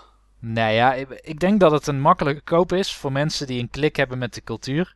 Ja, Want het is best wel goed nagebouwd. Bijvoorbeeld die, eh, die wijk in Osaka. Die is Ja. gebaseerd op eh Dotonbori. En dat is een ehm, zeg maar, uitgaanswijk. Daar ben ik een keer of vier geweest. Ja, heel vaak geweest. Maar vier verschillende jaren zeg maar naartoe geweest. ja. En eh, hoewel het spel zich in de jaren 80, volgens mij 88 of 89 of zo afspeelt. Ziet het er nog best wel uit op dit moment zoals in het spel ja, dus- precies. de reclameborden, sommige bestaan nog steeds. De layout van de straten is hetzelfde. Eh, de sfeer komt ook redelijk overeen. Dus dat zou de denk- reden kunnen zijn. Ik denk dat dat het inderdaad is voor mensen. Hmm. Ik zie hier staan trouwens, main story is ongeveer eh 30 uur. Main story plus wat extra's is eh, ongeveer eh 70 uur. En als je completionist bent, dan doe je er waarschijnlijk 140 uur over. Ja, die laatste gaat hem niet worden. Nee, Je krijgt ontzettend veel van die bullshit side missies, zeg maar. ja, Waarin ehm, bijvoorbeeld, ehm, ja, wat zal ik noemen? Eh, je hebt heel veel van die toys met die grijparmen. ja, En eh, ja, misschien als je dan honderd keer zo'n toy pakt of zo, dan heb je ook weer een missie gehaald. ja, precies. Ja, nee, dan dat weet je ook wel eh, na twee keer hoe het ongeveer werkt. Ja, dan ben je er wel klaar mee, denk ik. ja, Ja, ja maar ik misschien vind moet het een hele leuke game. Oké, ja, misschien moet ik het toch een keer proberen gewoon om, het, om, die, om iets uit die reeks gespeeld te hebben. Ik kan me niet voorstellen dat Yakuza Zero eh, heel anders is dan Yakuza 4. Nee, denk ik ook niet. Nee. En ehm, nou, misschien moet ik mijn ogen eens open houden voor, eh, voor dit deel. En eh, gewoon, eens, ja, gewoon eens een keertje proberen. Ja. Kijken wat het is. Ook al kom ik erachter dat het niks voor mij is, is ook prima.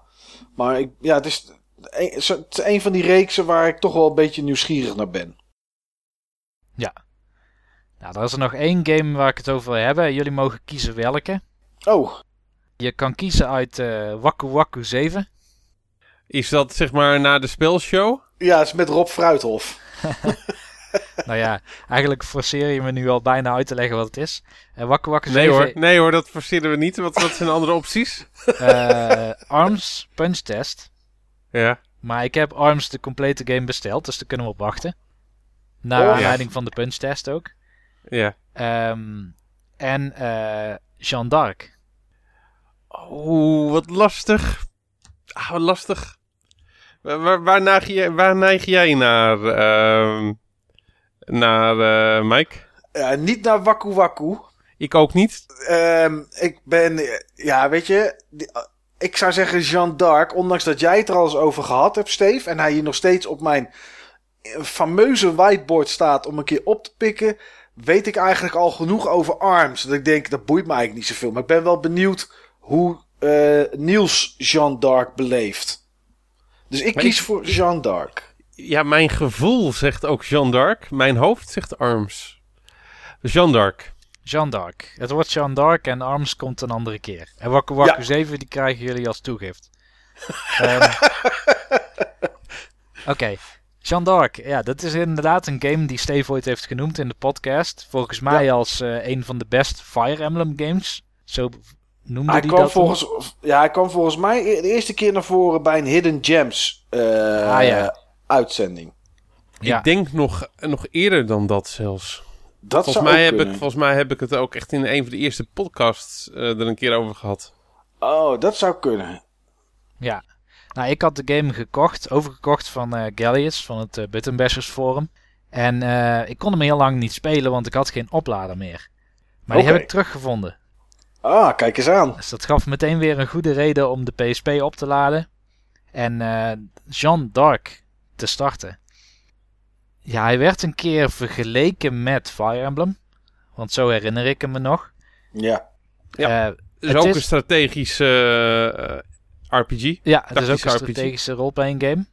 Uh, het is qua strategische roleplaying game meer een soort Final Fantasy Tactics of Tactics Ogre. Qua stijl. Oh, kijk. Dat, vind ik, dat vond ik, Tactics Ogre vond ik echt een toffe game. Ja. Dus het is een, zo'n tactics game waarin je um, een stuk of vijf of zes members bestuurt. En die verzet je één voor één. En dan kun je bijvoorbeeld move en attack doen. En daarna kun je ze ook nog een richting meegeven als je ze ergens naartoe plaatst. Want uh, het maakt hier verschil uit of dat je een vijand van de voorkant raakt of van de achterkant. En het maakt voor de vijanden dus ook uit hoe ze naar jou toe kunnen komen en jou kunnen slaan. Dus je probeert altijd net buiten range te staan of net in range, maar dan wel richting de vijand kijkend, want dan hebben ze minder kans dat ze je raken.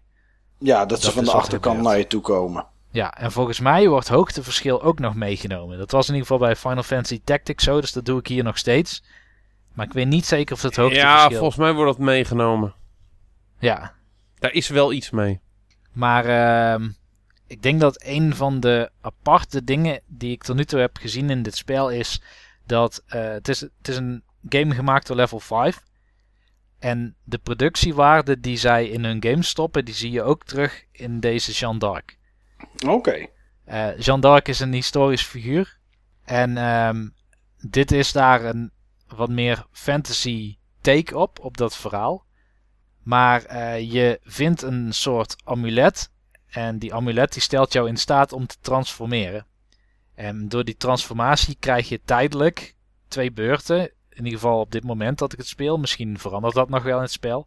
Krijg je tijdelijk uh, meer health, andere moves en um, als jij een karakter afmaakt, een vijand afmaakt, dan uh, mag je onmiddellijk nog een keer. Normaal eindigt dan je beurt. Maar als je een vijand verslaat als Jean d'Arc in getransformeerde toestand, dan mag je onmiddellijk nog een move doen. Nog een keer bewegen en aanvallen bijvoorbeeld. Oké, en die amulet zal wel iets van een cooldown of een oplaadtijd hebben, denk ik, of niet? Dat of denk kan je die gewoon onbeperkt gebruiken tijdens nee, een... Nee, uh, nee, nee. Hij, hij activeert ook pas na een bepaalde tijd spelen. Oké. En ik heb tot nu toe nooit gehad dat ik hem twee keer kon activeren in één battle. Maar misschien kan dat wel. Maar wat wel een groot verschil is met bijvoorbeeld Fire Emblem of Final Fantasy... is uh, je hebt hier niet jobs die je kan wisselen. Tenminste, dat heb ik nog niet gezien. Dus de karakters die je in je team krijgt... en ik heb er een stuk of twaalf denk ik waar ik uit kan kiezen die hebben een vaste uh, skillset. Oké. En die kun je wel levelen en uh, ze kunnen wel nieuwe dingen leren gedurende het spel. Maar um, het is niet zo zeg maar, dat je ze helemaal kan customizen naar jouw persoonlijke speelstijl. Iemand die hard slaat, zoals een of andere hond die in mijn team zit en een leeuw, die blijven gewoon heel hard slaan. Er worden geen magiërs. Die hond heette toch Rufus? Rufus, zo heet hij ja. Een hond en een leeuw, daar vraag ik me toch af, zeg maar. Speel je ook echt met, met, met, allemaal dieren die van die ark afkomen? Of wat is het? Uh... Nee, het is heel anders. Dit is denk ik beter voor Steve om uit te leggen. Want ik heb de meeste tekst ja, doorgedrukt. Dat, dat, zijn zeg maar een soort met van half dier, half mens uh, wezens. Ah, die hebben ook een herkomst en zo. Dat, daar kom je op een gegeven moment ook achter. Oh, maar, ik begreep van jou Niels. Ik denk je loopt gewoon echt met een hond. En die hond die kan slaan. Ik denk, wat is dit joh? Maar het is half mens, half dier dus. Ah, ja, ja, ja. Dan snap ik het. Ja, meestal mag ik zes mensen meenemen. En ik heb nu al een voorkeur voor een bepaald team. Wat heel goed werkt. Ik heb bijvoorbeeld uh, Marcus, dat is een archer. En archers in dit soort games worden altijd overpowered. Ik weet niet of dat Marcus ook overpowered wordt, maar in Final Fantasy Tactics, een archer, die kon op een gegeven moment alleen een hele missie aan. En dat komt meestal dat ze kunnen van een hele grote afstand schieten. Dus hoe meer experience zij krijgen, des te ehm, ja, harder kunnen zij schieten. En des te makkelijker kunnen zij in hun eentje vijanden aan. Dus die gaat altijd mee. Uh, Jean is sowieso altijd mee. Dat kun je niet eens uitzetten. Maar zeggen, dat zal wel mandatory, dat zal wel verplicht zijn. Ja. Dan heb ik nog een figuur, ik dacht dat hij Miguel heet.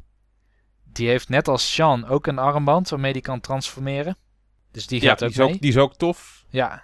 Colette. Dat is die met die, met die gouden hoed, uh, toch? Miguel. Dat weet ik niet.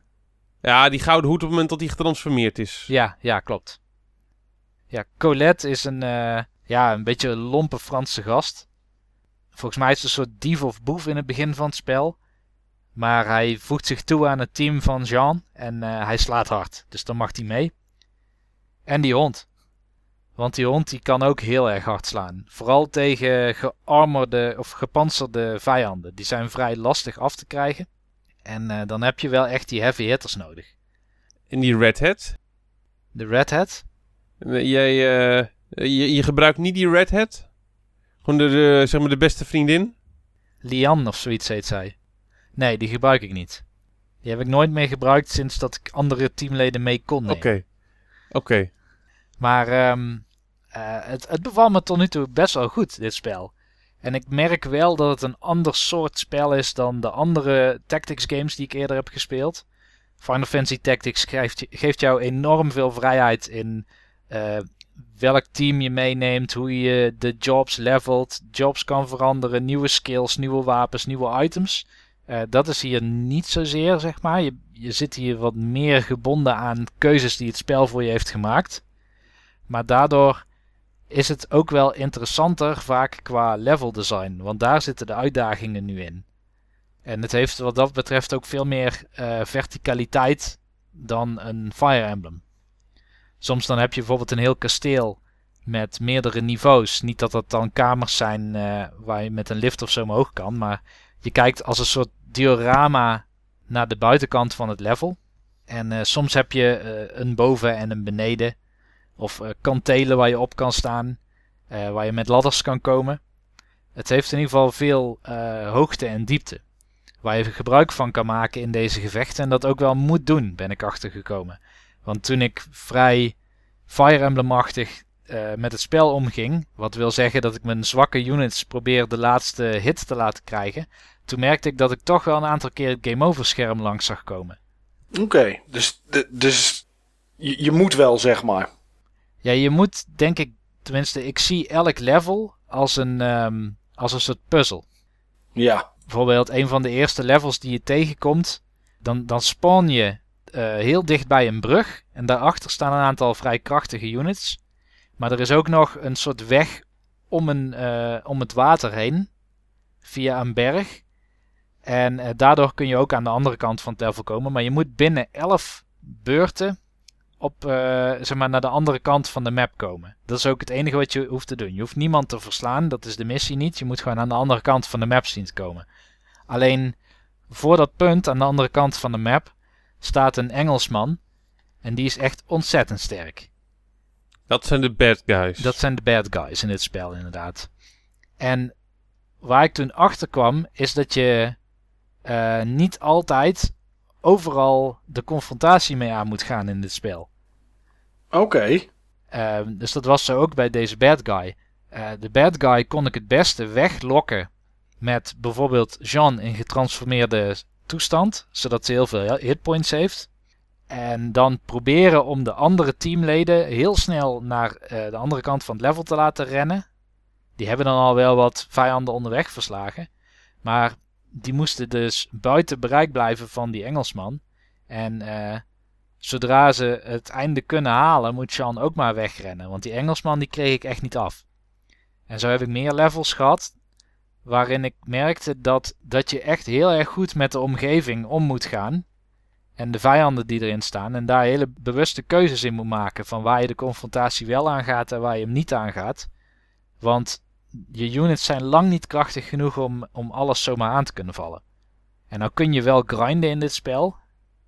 Ehm, maar ja, ik doe dat om verschillende redenen niet. A, ik vind het vervelend om levels nog een keer te doen. En B, uh, het is de PSP.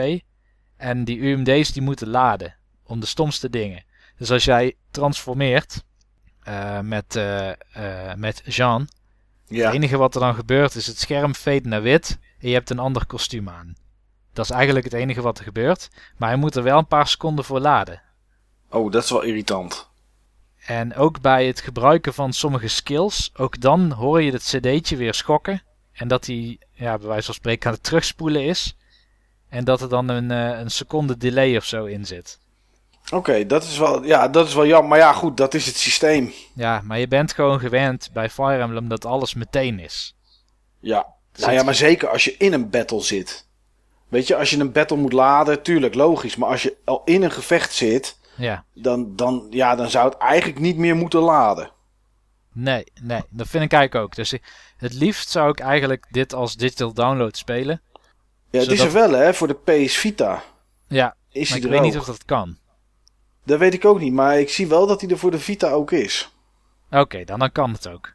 Want hij is, hij is echt niet als uh, cartridge uitgekomen of zo. Nee, dat zal dan wel digitaal zijn inderdaad. Hij is digitaal uitgekomen voor de Vita. Ja, maar in ieder geval, ik vermaak me heel erg goed. Het is een game die ik elke avond probeer te spelen.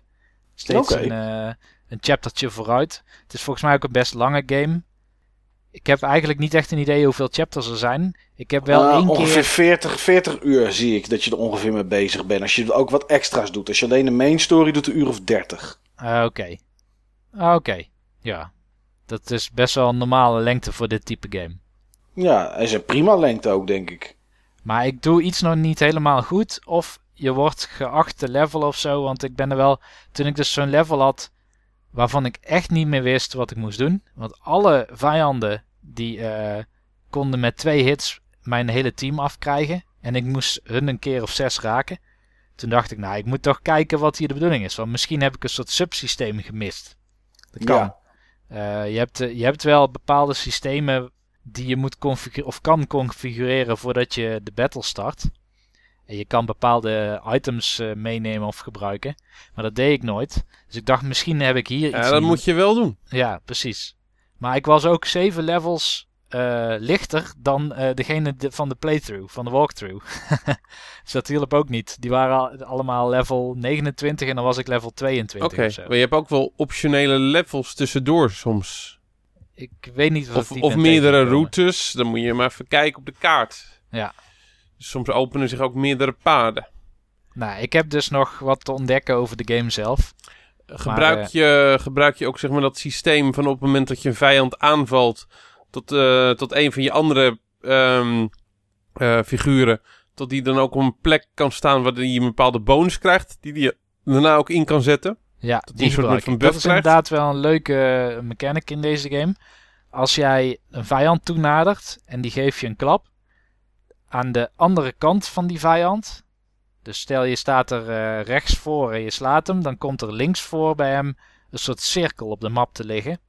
En op het moment dat je daar een andere unit in verplaatst en die laat slaan, dan krijgt die unit een aantal buffs op zijn attack.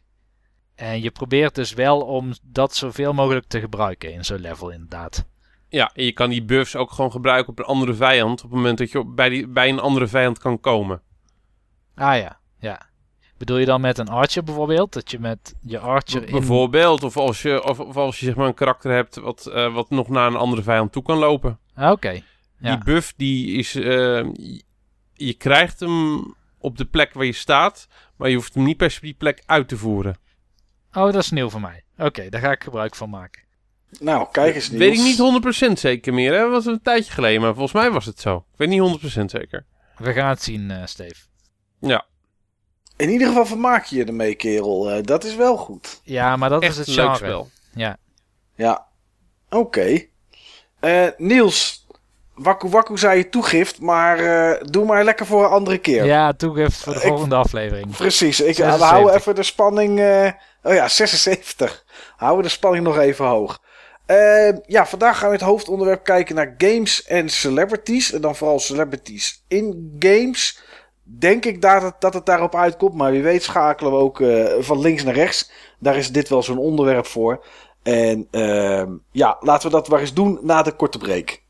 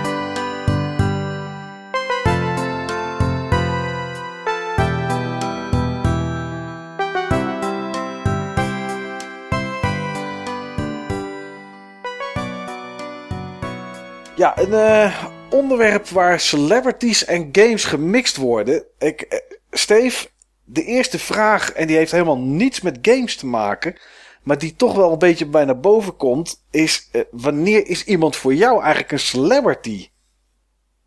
Wanneer is iemand een celebrity? Ja, wat ik bedoel, is iemand al een celebrity als die drie afleveringen met twee regels tekst in GTST zit? Vroeger was het makkelijk geweest. Vroeger had ik gewoon gezegd: joh, wanneer die persoon eh, bij mijn moeder in de weekend in de story heeft gestaan. Dat is Ja. toch een hele duidelijke definitie. Dat is zeker een duidelijke definitie, maar je zegt er wel bij, dat was vroeger. Eh, ja, tegenwoordig eh, elke. Ik denk niet dat al die vloggers, zeg maar, bij mijn moeder in de story komen. Nee, dat denk ik ook niet. Maar ja, voor sommige mensen is Anna Nushin of, eh, of, of, of wie dan ook die tegenwoordig eh, 40k of 400k of 500k aan volgers heeft, is al een celebrity voor die doelgroep natuurlijk. Misschien zijn wij zelfs eh, celebrities voor sommige mensen. Nou, dat... Ik denk het niet. Ik hoop nee, het niet. Ik nee, hoop ik hoop het ook niet. Zit in ieder geval niet in games. Nee. Eh, nee, alleen de naam van jouw hond, toch, Niels? Ja, die wel, dat is waar. Ja, ja. Ja, mijn naam ook wel in games, maar, ja maar bedoel niet als personage. Als, als personages. Nee, nee, precies. Maar wa- wa- wat scha je nu nog onder een celebrity dan, Steve? Als er een sekstape van is of zo, is het dan een celebrity? Ja, dat is he- ook, ook een hele goede definitie. Ja. Ja, zie je wel, dan ben ik toch een celebrity. Nee. nee Die dan eh, ook nog gelekt is, moet er dan misschien bij.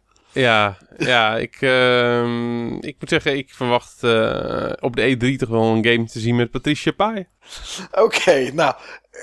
Ik heb het gevoel dat we hier niet eh, bij jou duidelijkheid over krijgen. Misschien Niels. Niels, wanneer is iemand een celebrity? Wanneer die in de story van de moeder van Steve heeft gestaan. Oké, nou dat is wel goed zeg. Ja, nee, ik, eh, ik ben niet zo van de tv-series en van de films. En ik kijk nauwelijks televisie. Ja, Dus eh, ja, alleen het nieuws. Dus bij mij moet je echt niet zijn voor celebrities. oké. Misschien, ehm, Maar goed, ik bedoel, producent van Dark Souls games, hoe heet hij ook alweer? Ik, ik ben slecht.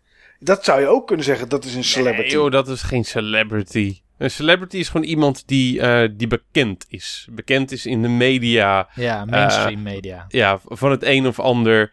Eh, een serie, een, eh, een eh, artiest, eh, een kunstenaar eh, desnoods. Maar dat zijn celebrities. Oké, oké, oké. Heb jij favoriete celebrity, Steve? Dat je denkt, dat is, vind ik echt... eh dat hoeft nog niet eens Vroeger, met... vroeger had ik die wel. Oké, ik hoor je al een beetje lachen. Vroeger maar- was mijn favoriete celebrity ehm, Bono van U2. Oh, dat is wel een mooie keus. Dat is een celebrity. Tegenwoordig vind ik het een gemaakte slijmjurk. Ja dat, ex- extreem fake. ja, dat is het ook, inderdaad, ja. Oké, Bono. Ja, dat is wel eh, van vroeger. Ja, ik bedoel, dat is toch iets meer dat je er tegenop kijkt. Of dat je fan bent van iemand, is misschien toch meer iets van vroeger. Nu, tenminste, dat heb ik altijd. Eh, Vroeger was ik fan van. ehm, nou ja, ik had posters in ieder geval aan de muur van Samantha Fox en Sabrina. Ehm, maar ik had ook op een gegeven moment heel veel posters aan de muur van Hulk Hogan en de Ultimate Warrior. Eh, daar was ik dan fan van. Tegenwoordig kan ik dat soort mensen waarderen. Dus ik, misschien dat dat door de jaren heen een beetje veranderd is, zeg maar. Wat moet je lachen? Ja, komt zo meteen wel. Oh, Maar eh, ik heb tegenwoordig ook nog steeds eh, favoriete celebrities hoor. Oké, nou, wat, noem, er, noem, er eens, noem er eens één. Katy Perry. Katy Perry. Katy Perry, dat vind ik een leuke celebrity. Dat vind ik gewoon een extreem lekker ding. Ja, maar ik vind het niet zo leuk meer nu ze de haar helemaal heeft afgeknipt. Nee, dat is, eh, dat is inderdaad niet zo'n goede move geweest. Nee. Niels denkt, wie is Katy Perry en hoe zag Ah, ze Niels, er eerst uit? Katy, Niels kent Katy Perry wel. Wel eens van gehoord, maar ik weet niet hoe ze eruit ziet. Daar heb jij ik google vast wel ook even. Ik google wel even. Ja, maar dan eh, niet naar, naar zoals het nu is inderdaad. Maar Katy Perry is inderdaad wel een leuke celebrity. Dat, eh, Ja, dat moet ik je nageven, Steve. Ja. Maar celebrities, ehm, ja, doen het, eh, doen het goed. Celebrities worden gebruikt om dingen te verkopen. Op eh, bladen, via de cover. Ja. Tal van dingen. Maar ook, eh, ook games. Ja, ja ik, ik, toen, we, toen we dit onderwerp gingen doen, ben ik er eens een beetje gaan kijken. Want ik ben toch benieuwd van hè, in, je, in je eigen collectie. Tenminste, ik heb best wel wat games waar celebrities in zitten. Ehm, maar er- er zijn er best wel een hoop. Ze worden best wel redelijk misbruikt eigenlijk. Want ja, als- er zijn er echt veel. Maar wat ik dan, wat ik dan ehm, wel heb, zeg maar, en dat is, dat is denk ik omdat je zegt van, van hè, wat je zei, Steve, van, van vroeger en, eh, en van, van tegenwoordig, is dat ze tegenwoordig, ehm, dat we het veel meer weten dat ze erin zitten dan vroeger. Want, tenminste, dat gevoel heb ik. Nu, als er een celebrity in een game zit, en dan pak ik maar even eh Kiefer Sutherland in Metal Gear Solid 5. Al was het alleen maar de stem. Dan eh, zijn het eh making-ofs, eh, Instagram, Twitter, Snapchat, Facebook posts. Overal zie je die celebrities nu die geplakt worden aan die game. Maar dat was, vroeger stond er een foto op de cover. Of er stond bij eh, met die en die en dat was het. En, maar nu Hmm. wordt het, nu Ben wordt ik- het volgens mij, Ben ik niet helemaal met je eens. oké. Soms eh, er zijn heel veel games die zelfs hun naam aan die celebrity ontleden. Jawel, dat wel. Maar nu, zeg maar... het- ik heb games gespeeld, eh, kwam ik achter... waar blijkbaar celebrities in zaten... waarvan ik het niet eens wist dat zij het waren. Ik heb wel games gehad dat ik aan het spelen was... en denk, die stem komt me zo bekend voor. En dat je dan gaat zoeken en erachter komt... dat het een bekend iemand is. Maar dat je dat in de tijd dat die game uitkwam... dat je dat helemaal niet wist... omdat daar niet zo niet, niet zo'n gehoor aan gegeven wordt. Een voorbeeldje. EverQuest 2. Daar zat Christopher Lee in. Die deed daar een stem van een personage. Nou, dan is Christopher Lee misschien geen Instagram-figuur. Maar dat had dat- nu had dat toch wel behoorlijk uitgebuit geworden. Terwijl in tijd... Legendarische acteur. Ja, terwijl in die tijd... Ja. Ik wist het niet. Ja, Monsieur Scaramanga, the man with the golden gun. Ja, Eh, Dracula. Saruman. ja, Count Ja. Dooku. ja. Ja, hij is, het, hij is het allemaal. Alleen, ik wist nooit dat hij erin zat. En ehm, als je dan kijkt naar eh, Call of Duty van de laatste jaren. Nou, dan weet je echt wel dat, eh, dat Jon Snow daarin zit. Ja, of, eh, of Kevin Spacey. Kevin Spacey, maar ook Bill Paxton, John Malkovich, David, Ho- David Hasselhoff. Eh, David Allemaal- Hasselhoff. David Hasselhoff zat in de Call of Duty Infinite Warfare als een DJ. Een DJ. Ja, Hij heeft Maar weet je Die, die vooral populair gehad. was in, eh, in Duitsland? en weet je waar die ook in zat, kwam ik achter. nee. In Red Alert 3. Daar was hij de vice president. David Hasselhoff, vice president. Nou, het- ik moet zeggen, het kan altijd gekker, zien we nu ook in de... David Hasselhoff is de vice president van de Italo-muziek. Ja, dat, zo zou je het ook kunnen zien. Maar hij zat echt als vice president in En, Call en, en wie, in was de, Alert pre- 3. wie was de premier van Nederland in die game? Danny Christian? Ook populair in Duitsland. dus wat dat betreft zou dat wel kunnen.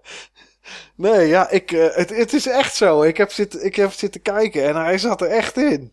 Is, het is, ja, weet je, kijk, Call of Duty. Ik bedoel, wij wisten niet dat hij in Red Alert 3 zat. Ik wist het niet, nou, jullie ook niet. Nee, ik Als wist het ook niet, nee. Nee, maar ik wist wel dat hij in eh, Call of Duty zat. Want daar waren gewoon trailers van. En, eh, en natuurlijk zeggen ze dan een keertje Don't Hassle the Hof. En dat soort uitspraken komen dan in dat soort trailers voorbij. Dus ja, ik heb toch meer het idee dat ik het nu wel weet. Van tevoren en daarna en weet ik wat. Dan, dan vroeger. Behalve als natuurlijk inderdaad steeds, zoals je zegt. De naam van de personage ook de naam van de game was. Want dat is natuurlijk ook.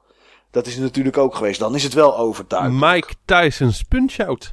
Inderdaad. Ja, Ja.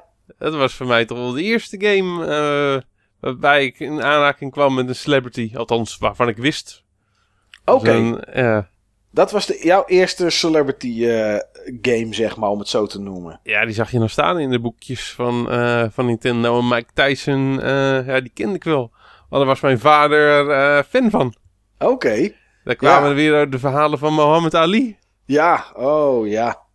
Legendarische. waarbij die vroeger opbleef voor, zijn, voor zijn wedstrijden. Ja, daar ging iedereen er s'nachts uit, hè?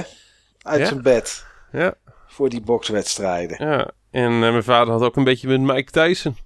Oké. Dus, eh, Stevas zei hij altijd vroeger Mike Tyson. Dat is een enorme smeerlap. Oh. Dat was, dat was altijd zeg maar de, de één zin daarna Mike Tyson. Ja, Mike Tyson is een enorme smeerlap. Ja. eh, is later wel gebleken. Hè? Ja. Ja. Oké, dus dat was jouw eerste, jouw allereerste celebrity game. Heb jij ook een allereerste wat, wat- cele- waarvan ik zeg maar er bewust van was. Het was niet de eerste celebrity game die ik had. Oké. Want wat was de eerste celebrity? Want ik heb namelijk dus ook twee games waarvan ik. Die heb ik eh, waarvan ik. Bij die eerste wist ik niet dat het een celebrity was. En die andere wist ik het wel heel goed. Eh, maar toch, toch speel. Ja, dat was het echt heel vroeger. Maar wel, wat was dan de eerste game? Weet je dat nog, Steven? Die je had waar celebrity in zat waarvan je niet wist dat het een celebrity was? Nee, eh, daarvan wist ik donders goed dat het een celebrity was. Eh daarom had ik hem ook. Ja. Dat was Wre- WrestleMania op de NES. Oh Er ja. stond eh, heel groot eh, Hulk Hogan eh, op de voorkant. The Real American. Ja. Niet echt de meest flateuze eh, foto van Hulk Hogan ooit op de voorkant van WrestleMania. Nee. Maar ja, goed. Ik, ik heb niet zo heel veel flatteuze foto's gezien van de Hulk. Dat is eigenlijk Maar, wel een eh, goeie, zo van die worstelgames. Het zijn natuurlijk allemaal celebs die erin zitten. Ja, het zijn allemaal acteurs. Ja, al, moet, eh, al zijn er maar weinig die ik echt de noemer celeb zou, eh, zou geven. Hogan wel, want die heeft een sekstape. Ja, precies. Dus die hoort daar zeker bij. exact, exact. Ja. Oh, dus dat was jouw eerste, jouw eerste titel dan, Ja, Steve. zeker, zeker. Dat moet. Weet jij nog wat jouw eerste titel met een celebrity was, Niels? Nou, de eerste die ik kende via Ja. het programma Powerplay was eh, Michael Jackson's Moonwalker. Maar die heb ik nooit Oh. gespeeld. Oké. Nee, de eerste die ik heb gespeeld is volgens mij Tony Hawk Pro Skater. Ja, dat is natuurlijk ook een celebrity. Ja, en die was, Ja. dat was ook echt een hele goede game. Tenminste, ik associeer meestal celebrities en games niet als iets positiefs. Nee. Maar Tony Hawk Pro Skater was gewoon op zichzelf een enorm goede game. Ja. In ieder geval Ja, de- beginnende delen, de eerste paar, de eerste vier misschien. Ik wou net zeggen, de eerste, de eerste waren ook gewoon allemaal goed. Neversoft was dat, geloof ik, of zo, toch? Ja, Neversoft. Die dat maakte. Ja. Oké. Ja, mijn eerste game met een celebrity waarvan ik niet wist dat het een celebrity was. Op dat moment was Bruce Lee op de Commodore 64. D- Dat, ik wist niet dat dat ook echt een kerel was uit die films, zeg maar. En ehm hebben jullie ooit gespeeld? Bruce Lee op de Commodore 64? Nee. Eh, nee. Dat is nog steeds is nog steeds een hele goede game. Het was een, eh, een soort platformer, was het. Eh, single screen, dus het was niet scrollend. Want dat was net even iets te heftig voor de Commodore 64. En in elk veldje hingen er een aantal lantaarns hingen er dan uh, aan, uh, de, aan, het plafond. En het was dan meerdere verdiepingen wat je dan in één veld zeg maar had. En je moest dan die lantaarns oppakken zodat er dan een deur open ging. Of, uh, of, of ja, een luik of weet ik veel wat. Zodat je weer door kon naar het volgende veldje. En des te langer je in het veldje aan het spelen was, kwam er steeds een tegenstander bij. Het waren er maximaal maar twee volgens mij. De eerste was een, een ninja.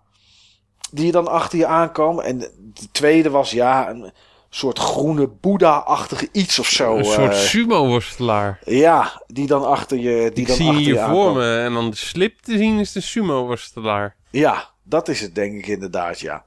En ehm ja, en dan moest je dus, ja, je was aan het springen en aan het klauteren. En eh, ja, de reden dat ik niet echt wist dat het Bruce Lee was, was dat ik dit speelde toen ik nog nooit een film had gezien met die kerel.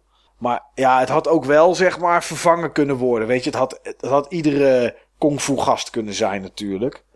Maar eh, ja, dat was, zoals, eh, zoals Jackie Chan. ja, daar had hij zo mee vervangen kunnen worden. Ja. Ja, maar eh, het was een leuke game. Eh, de- als je alles wist, was het niet zo lang. Ik geloof eh 20 minuutjes of zo, of een half uurtje dat je hem uit kon spelen. Maar eh, dat was wel echt een leuke game. En de eerste game waarvan ik wist dat het een celebrity was, was ook op de Commodore 64. ja, daarom lachte ik ook, eh, daarom lachte ik ook te straks. Samantha Fox Strip Poker. Dat was mijn eerste celebrity game waarvan ik zeker wist dat het een celebrity was. En... Want ze hing bij jou in de muur. Ja, ze hing ook aan de muur. En dat was eh, ja, een soort gedigitaliseerde afbeeldingen waren het, zeg maar. En eh, ja, je moest dan tegen, tegen Samantha moest je gaan strippokeren. Eh wat ik niet wist en wat ik nog steeds niet wist, weet, is of Samantha Fox er ook echt voor geposeerd had. Het, was, het, het leek er wel op. Maar waarschijnlijk was het gewoon ergens aan een Playboy en dan een beetje ingescand of zo. Of weet ik wat ze ermee gedaan hadden. Er waren zat eh, foto's van eh, Samantha Fox Ja, zonder, zonder kleren aan. Ja, die waren er genoeg. En er was ook, maar die vond Op ik pagina minder... 3 in... welke, welke krant was het ook weer in Engeland? De Sun, Page volgens mij. De Sun inderdaad, ja. Ja. En het enige wat... eh er was ook een Samantha Fox reverse strippoker. En dan moest je er aankleden. Ja, daar vond ik niet zoveel aan. Dat snap ik. Nee, Ja. het enige leuke was wel was, omdat ik nooit bij het einde kwam, kon ik wel het laatste plaatje dan zeg maar een keer zien. Dus dat is wel. eh, dat was dan wel. Dat had ik dan in ieder geval. Was dat al een keer gebeurd eh, om dat te zien. Maar Samantha Fox strippoker. eh ja, dat was. eh potverdorie. Dat was toch wel een game die iedereen had vroeger met zijn Commodore 64. Ja, tuurlijk. Ja. ja Op, eh, op de PC had je ook gewoon, had ook iedereen Porntris bij mij in de klas. Oh ja. Porn Twist inderdaad. Ja, er zaten geen celebs in, maar dat was Er wel. zaten eh, geen celebs in, nee. dat was wel een bekende game ook, inderdaad. Ja. Dacht je vroeger, eh, ja, jij niet Niels, maar jij eh, misschien wel Steve, dat als een celebrity in een game zat, dat die game dan ook beter was of zo? Omdat er toch een, hè, er zat een grote naam aan vast, een bekend iemand. Had, had je dat, hé? Nee. Nee. Oké. Ik, eh, ik, ik, had zelf vroeger, toen ik zeg maar klein was, toen ik wat, wat, wat, wat ouder werd en een beetje wist welke celebrities het waren, behalve bij, bij, bij worstelgames, want ja, daar zaten de worstelaars in. Maar ik had toch wel het. Nou nee, misschien had ik het daar ook wel bij, want je had. Ik had wel het idee dat het dan misschien wat beter was of dat het goed moest zijn. Net zoals eh, die, die game die jij net aanhiel, aanhaalde, Niels. Eh, van, met Michael Jackson, Moonwalker, die was er ook op de Amiga. Ja, dan had ik toch wel het idee dat dat een goede game moest zijn. Want ja, anders zou Michael Jackson toch zijn naam er niet aan verbinden. En later kom je erachter dat er gewoon een licentie wordt, eh, wordt gekocht en dat er gewoon een hoop geld neer wordt gelegd. En zeker die Amiga-versie die ik overigens op DOS had, dat was enorme eh, shovelware. Ja, dat, dat, pff, dat was echt een slechte game. Waarbij je het van boven zag en dan moest je zeg maar op zoek naar bepaalde eh, items. Ja.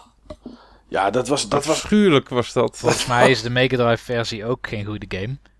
Nou, die zegt eh, lichtjaren voorbij de Kicks-versie die, eh, die Ja. Mike en ik eh, kennen. Geloof ik onmiddellijk. Ja, dat was. Maar ik, ik had wel, ja, weet je, de- ik dacht toen wel van ja, als die naam eraan, ah, eraan zit, dan, dan moet het wel goed zijn. Maar ja, goed, mensen met een Super Nintendo kwamen er waarschijnlijk bij Shaq Fu achter dat dat niet zo, eh, dat, dat dat niet zo hoefde te zijn. Maar dat was, eh, ja, ik weet niet. Het, het- ik had dat gevoel, had ik dat vroeger wel. Ik leerde eigenlijk sporten kennen door videogames. Dat je Pete Sampras tennis had. Dus dan, eh, oh, Oh, Pete ja. Sampras is een tennisser. Nigel Oh Mansell's- shit joh, ik dacht al dat de enige tennisser Anna Kournikova was. Dat was op de PS1 inderdaad. Die had daar haar eigen tennisgame inderdaad, ja. Ja. Anna Kounikova's tennisgame. Heb je vroeger wel eens een game gekocht, eh Steve, omdat er een celebrity in zat? Ik herinner het me zo snel niet. Nee. Nee, ik kan, me, ik kan er niet zo snel opkomen. nee jij, jij helemaal niet, hè, Niels, dan? Nee, nee. Ik heb Tony Hawk, maar dat was niet omdat het Tony Hawk was. Maar omdat ik het, eh, het systeem met die combo's en zo van trucjes zo leuk vond. Ja. Wist je toen al wel dat Tony Hawk een bekende skater was? Of wist je dat toen ook nog niet? Nee, dat kwam daarna pas. Oké, want Volgens je mij toch... ook door Jackass of zo. dat hij daar dan een keer een, een figurantenrol in speelde. En toen dacht je, hé, hey, Hij bestaat. die gast ken ik. Oh, je hebt ook niet daarna eh, gekeken of zo in boekjes of wat dan ook... om eens te kijken eh, bij reviews of zo van die Tony Hawk game... wie Tony Hawk dan was. Nee, nee. Oké, apart joh. Er was overigens wel een game die ik maar wat graag gekocht zou hebben als, eh, als ik die kon spelen. Met een celebrity erin. Oké, Daar, ehm, daar, daar keek ik ehm, vanwege verschillende redenen altijd zeer verlekkerd ehm, naar als ik hem voorbij zag komen in hoogspel. hoogspeltijd, oké. Nou, dan ben ik benieuwd, Steve. Geef eens een hint. Dat was Elvira, Mistress of the Dark. Oh, Dat leek me nou echt een bijzonder gaaf spel. ja. ja en ik is- vond Elvira toen ik, eh, ja, ook, eh, toen ik zeg maar een jaar of 12, 13 was, vond ik Elvira ook wel bijzonder interessant. ja, was een spannend, spannende vrouw, hè? Ja. Cassandra Patterson heet ze volgens mij in het echt. Ja. Die naam nu- ringelt wel een belletje. En nu is ze zeg maar van, eh, van Patricia Pai leeftijd. Ja, Maar ehm, ja, ze zou me wel als, als toyboy ook mogen, mogen boeken hoor, Cassandra. oh, jij maar bent die game, eh, voor Cassandra wel. Oh, Oké, eh, eh, die game die leek me echt cool.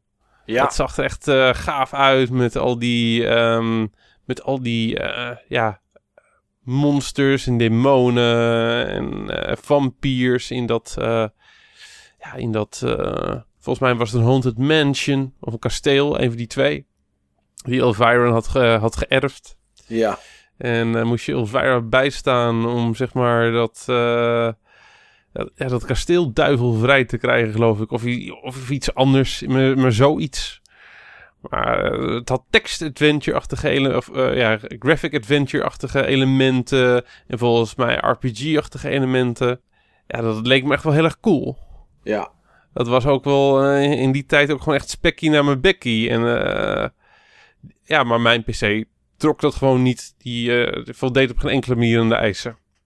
nee, nee, dat is dan, eh, dat is dan, dat is dan zonde. Ik zie hier 1990 dat die uitgekomen is, inderdaad. Ja. Oh nee, er zijn meerdere. Er is ook nog een arcade game van geweest. Ja, eh Elvira was echt populair. Ja, een arcade game. Die was het 91 op de Amiga, Commodore 64, DOS, Atari en PC. Ja, het was een standaard platformer dit inderdaad. eh. ja, dat was... Maar waar, waar, waar, waar- waren er films of zo van, van of iets? Want ik kende haar alleen eigenlijk van de games. Ze had een, ehm, ja, ze had een ehm, film ook. Maar in Amerika is ze volgens mij bekend eh, geworden eh, met een soort met van low-budget talkshow. Waarbij ze dan zeg maar in character allerlei mensen eh, interviewde. En dat was volgens mij in eerste instantie was het op een lokale zender. En volgens mij is het daarna ook gewoon ehm, ja, populair geworden. En eh, en werd, ging het landelijk of zo. ja, voor zoiets denk ik. Oké. Wat maf. En dan moet er een of andere opportunist gedacht hebben van hier moet een game van komen. Ja, maar ze, Nee, was nee, natu- nee, het was, ze was echt populair hoor. Oké. En, maar ze was natuurlijk ook, ze, zag, ze was natuurlijk helemaal in het zwart. En dan natuurlijk eh, behoorlijk veel inkijk. En uh, ja, dus dat oog natuurlijk dan al een beetje duister. Dus ja, daar kan je natuurlijk wel wat mee, uh, wel wat mee verzinnen. Ja. Dory, dat heb ik toch gemist in mijn jeugd. Oh, ik speelde Niels. Bubsy en Plok.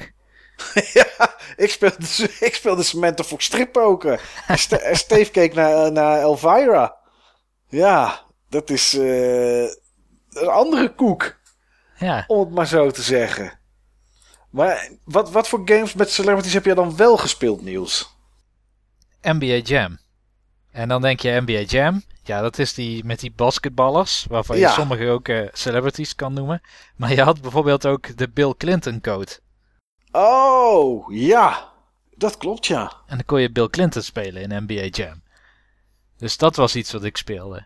En ehm, iemand waarvan ik niet wist dat het een celebrity was. En misschien is het geen celebrity. Maar eh, ik heb in mijn leven denk ik maar één tv-serie gezien. Van begin tot eind. En dat is eh, Battlestar Galactica. Oké, oh, dat is wel gelijk een goeie. De oude of die uit 2005? Die uit 2005.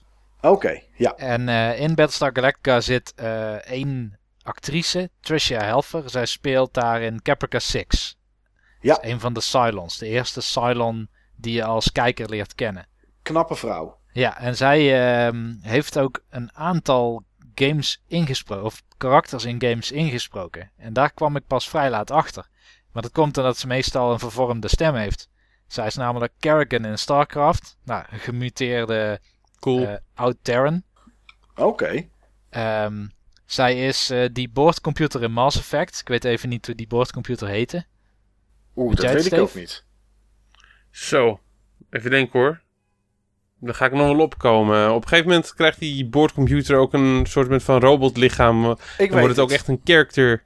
EDI. Of niet? EDI. EDI. EDI. Oh, Ja, niet ja, niet ja. EDI, ja. EDI. Nou, daar is de stem ook vervormd. En dan heeft ze volgens mij ook nog, tenminste dat zag ik dan in, op IMDb, een rol gespeeld in Command Conquer 3 en in Halo 3 ODST. Ja, ik zie hier eh, Command Conquer 3 in Tiberium Wars en in Kane's Wrath was ze Killian Qatar. En ik zie ehm, in Halo 3 was ze Captain Veronica Dare. Maar ze zat ook in Mortal Kombat X. Daar Oh, was ze Sonja Blade. echt waar, ja. Ja, zij is de stem van Sonja Blade. En in StarCraft 2, Legacy of the Void, zat ze ook. Is ze ook eh, Sarah Kerrigan. Net zoals in eh, Heart of the Swarm en Wings of Liberty. En ze zat ook in eh, Spider-Man, Web of Shadows. Maar ik ken die hele game niet. Maar daar was ze Felicia Hardy slash Black Cat. Dus dit, dit is inderdaad... ik wist niet dat zij dat, dat, zij dat deed, inderdaad. Grappig. Ja. Nou, en dat is al een eh, vrij uitputtend overzicht van mijn verleden met celebs in games. Oké. Nou, ik denk dat ik er hier een heb, Niels. En als ik die noem, dan heb jij die ook gespeeld, denk ik. Ja. En daar zit ook een celebrity in. Heb je ooit Brutal Legends gespeeld? Eh, nee, maar ik weet dan wel wie, wie je bedoelt. Wie bedoel ik dan? Jij bedoelt dan Jack Black, denk ik. Ja, Ja, ik ben naar de GDC eh, toen geweest en daar was hij ook bij. Vandaar dat ik dat toevallig weet, maar ik kende hem niet. oké, van En- tevoren niet. Nee. Alleen Oh ja, de game nee. kende ik natuurlijk omdat, ehm, hoe heet hij ook weer, eh, waar ik naartoe ben, eh, eh, eh, Tim Schafer? Tim Schafer, Nee. ja. Ja, ja, Dat die, eh, die had daar een postmortem van. ja die heeft, die, eh, Double Fine heeft die game gemaakt volgens mij.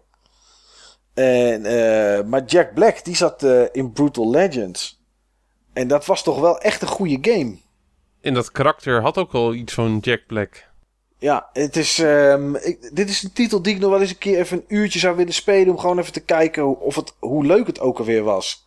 Want er was wel een, een, eh, een game waar heel veel, ehm, heel veel verschillende gameplay in zat. Het was hack en slash. Maar je moest soms ook rijden met de autootje van de ene kant naar de andere kant. Je moest muziek maken. En er zaten ook nog van die strategie dingen in. Waarbij eh, was er bijvoorbeeld een hele groot podium waar dan iets gebouwd werd of een optreden was of zo. Ik weet niet meer precies hoe dat zat. En die moest je dan verdedigen door legers te bouwen en die neer te zetten, zodat die tegen tegenstanders gingen strijden en zo. En dat kon je ook online dan doen, tegen elkaar. Eh, dat was echt heel gaaf. Maar er, zat, zaten nog wel meer celebrities in. Ozzy Osbourne zat er ook in. Die had ook een stem. En er zaten nog meer van die rocksterren zaten, daar, uh, zaten daarin. Dat was wel, ja, die game heb ik nooit gespeeld, maar die is dus wel de moeite waard. Ja, die vond ik echt de moeite waard. Dat was echt een leuke game. Ja. Ja, zeker eentje om, uh, om uh, als je hem tegenkomt, om op te pikken en een keertje te spelen. Dat was echt heel goed. Oh nee, ik heb het niet uitputtend genoemd. Er is nog één game in mijn verzameling die ook een celebrity in of helemaal om één celebrity draait zelfs. Nou, oh, dan ben ik wel heel benieuwd. Die heb ik gekregen van een collega. En dat is uh, Michael Jackson The Experience. Oftewel Just Dance, maar dan alleen met Michael Jackson nummers. Ik denk, je komt echt met een onwijze game aan, Niels. Wie, ik? Nee, joh. Ja, ik had die met Just Dance. Oké. Ja, nou, ik heb die nog best vaak gedaan toen ook. Met die collega dan. Maar dat zaten alleen de liedjes in. Er was voor de rest niks. Michael, ja, de danspasjes natuurlijk. Ja. Ja, die kunnen natuurlijk niet ontbreken. Oké. Ja, zij was ook dansinstructrice. Dus uh, wat wel grappig is, is dat je dan toch nog best competitief kan worden. Omdat uh, je weet wat de Wii Remote allemaal wel en niet kan. Je kan het niet faken, net als bijvoorbeeld bij uh, tennis, dat je maar een beetje wappert. Daarvoor is het te precies. Maar je kon wel, een gegeven moment had je wel door dat de timing van een soort schok van de controller is belangrijker dan hoe je hem precies draait. Maar ja, dan won zij nog 9 van de 10 keer. Ja, tuurlijk. Je had ook waarschijnlijk iets meer uithoudingsvermogen, of niet? ja, dat klopt, ja. maar wat wel leuk is, is uh, in, in dat spel dat uh, één iemand is maar Michael Jackson en andere spelers, tot en met vier spelers, die zijn dan achtergronddanseressen of dansers. Oké. Dus je hebt niet dezelfde rol. En dat oh, is wel dus je, doe, je, doe je dan ook andere moves? Ja, je doet andere moves en je hebt ook verschillende moeilijkheidsgraden soms. Oké. Nou, dan hebben ze er toch wel iets meer in gestoken dan alleen maar een reskin en wat liedjes ingepropt. Ja, ja, ja, zeker. Hmm. En er zitten ook echt danslessen in. Dus dan uh, heb je van die filmpjes van iemand die die pasjes uitlegt en zo. Maar ja, uh, dat ben ik niet helemaal de doelgroep voor, denk ik. Nee, snap ik. Heb jij nog een mooie game met Celebrity, uh, Steve? Ja, zeker. Um, een game die op verschillende manieren een uh, celebrity bijdrage heeft. Van dezelfde celebrity. Oké. Okay. Omicron The Nomad Soul. Oeh. Met uh, helaas wijle David Bowie. Ja. Als in-game character. Met voice work. En um, een deel van de soundtrack is van David Bowie. Een stuk of acht nummers van, geloof ik. Ja. Ik dus, vond dat uh, een. Uh, ik, heb, ik had die op de Dreamcast. Ja. Ik heb het nooit echt gespeeld, maar het was wel een game die me heel erg aantrok om te spelen. Maar ik weet niet waarom het er nooit van gekomen is. Uh, die game is echt heel erg eclectisch. Er zitten heel veel verschillende elementen in. Ja. En volgens mij zijn sommige elementen echt heel erg sterk geïmplementeerd en andere elementen wat minder sterk. Dat kan ik me nog wel herinneren van wat ik er van destijds gelezen of gehoord heb, inderdaad.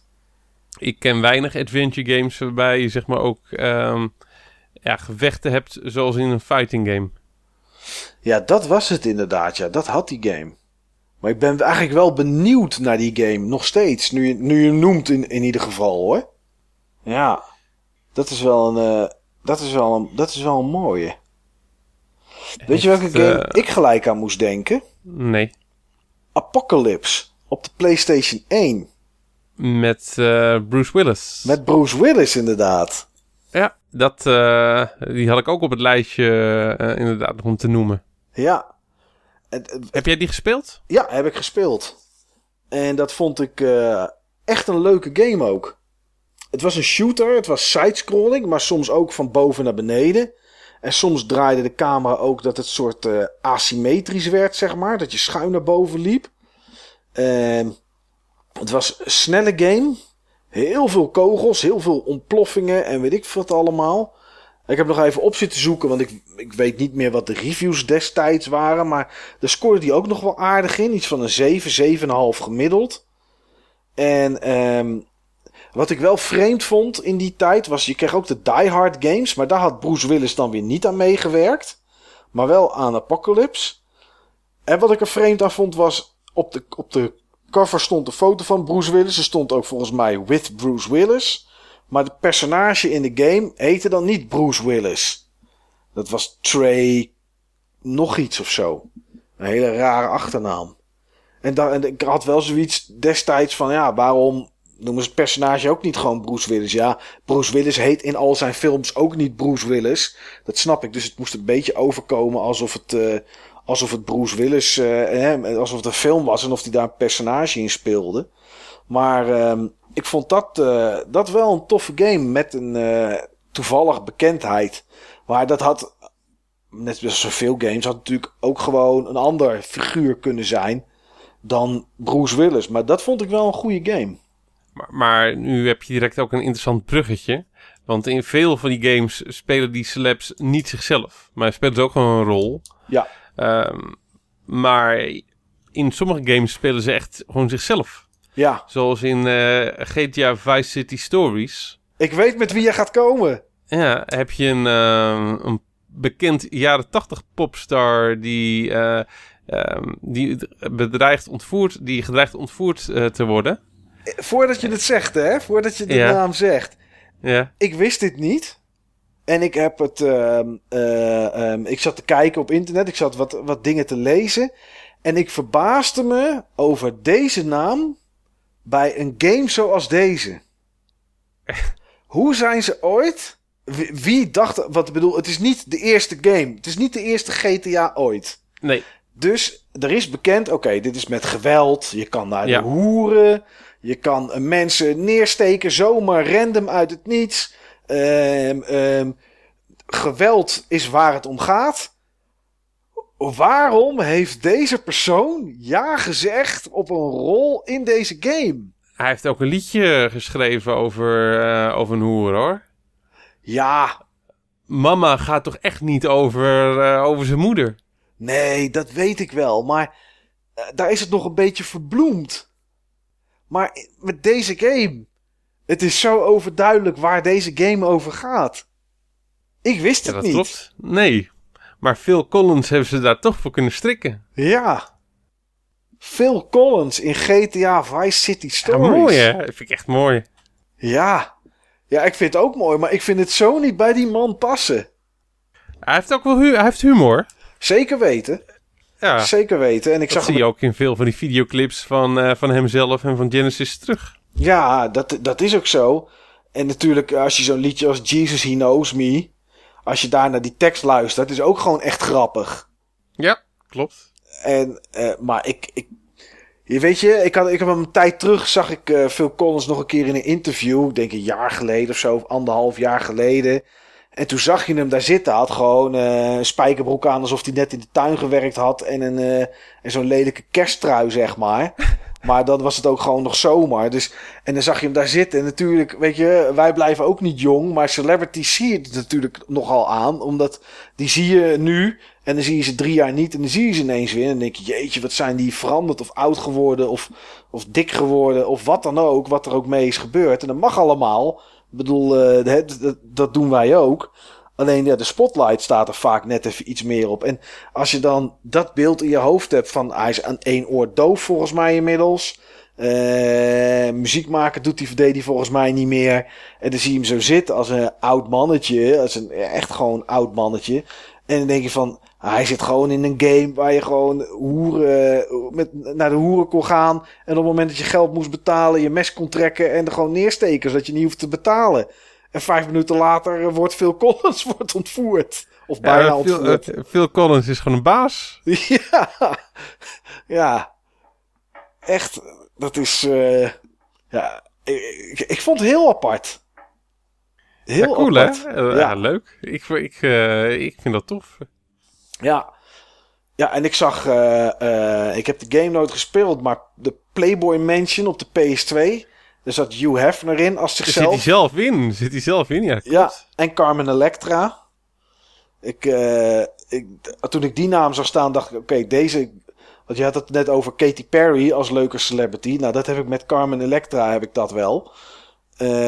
Maar ik denk toch niet dat ik die Ah, daar is het beste wel, wel van af, durf ik te zeggen. Ik ook. Maar eh, misschien als ik die PS2-game opstart, dat het echt toch nog iets beter is dan de polygonen die ik daar zie. Maar die zit daar gewoon in als zichzelf inderdaad ook. eh, celebrities die echt zichzelf zijn. 45 eh, is ze nu, Carmen Electra. Oh, nou. Met me. Ik, Mooie ik, leeftijd. ik ben ook geen 13 meer, hè, Steve? Nee, klopt. Zij heeft trouwens ooit in de Pussycat Dolls gezeten voordat de Pussycat Dolls als Pussycat Dolls eh, Bekend populair werden. waren. Oké. Ja. Ja. Ik wist niet dat ze kon zingen. Dat is ook niet iets waar... Ik zou ook niet als ik Carmen Electra ho- dat opzoek... hoeft dat- ook helemaal niet als je in de Pussycat Dolls zit. nee, dat hoeft inderdaad niet. Maar het is niet mijn eerste zoekopdracht op Google, eh, denk ik. Eh, Carmen Electra en dan singing. Ik denk toch niet dat...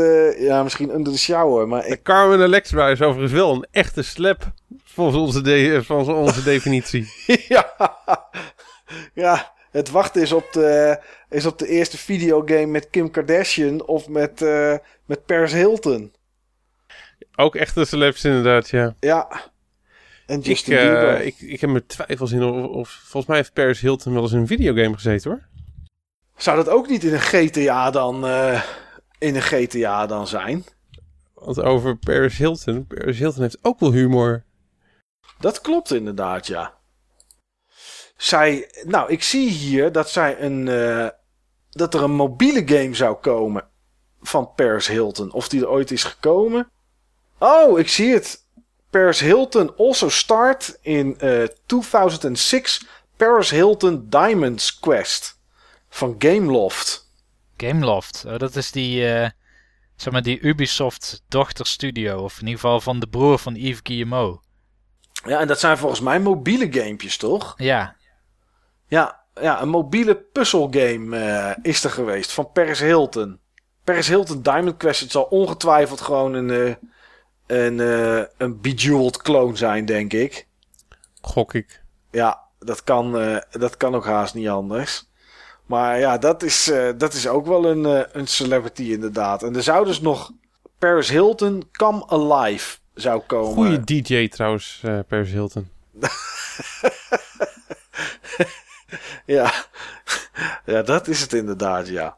Maar inderdaad, eh, weet, je waar ik, weet je waar ik ook gelijk aan moest denken, Steve? Ik moest gelijk denken aan eh Pieter Dinklage in, uit Destiny. Die was ik alweer vergeten. Ja, dat snap Die, ik. dat was ik gewoon serieus vergeten. Dat snap ik, want hij is natuurlijk uit de game gehaald. Die, die is weggejorist. Ja, die deed Dat de, de, stem van Ghost.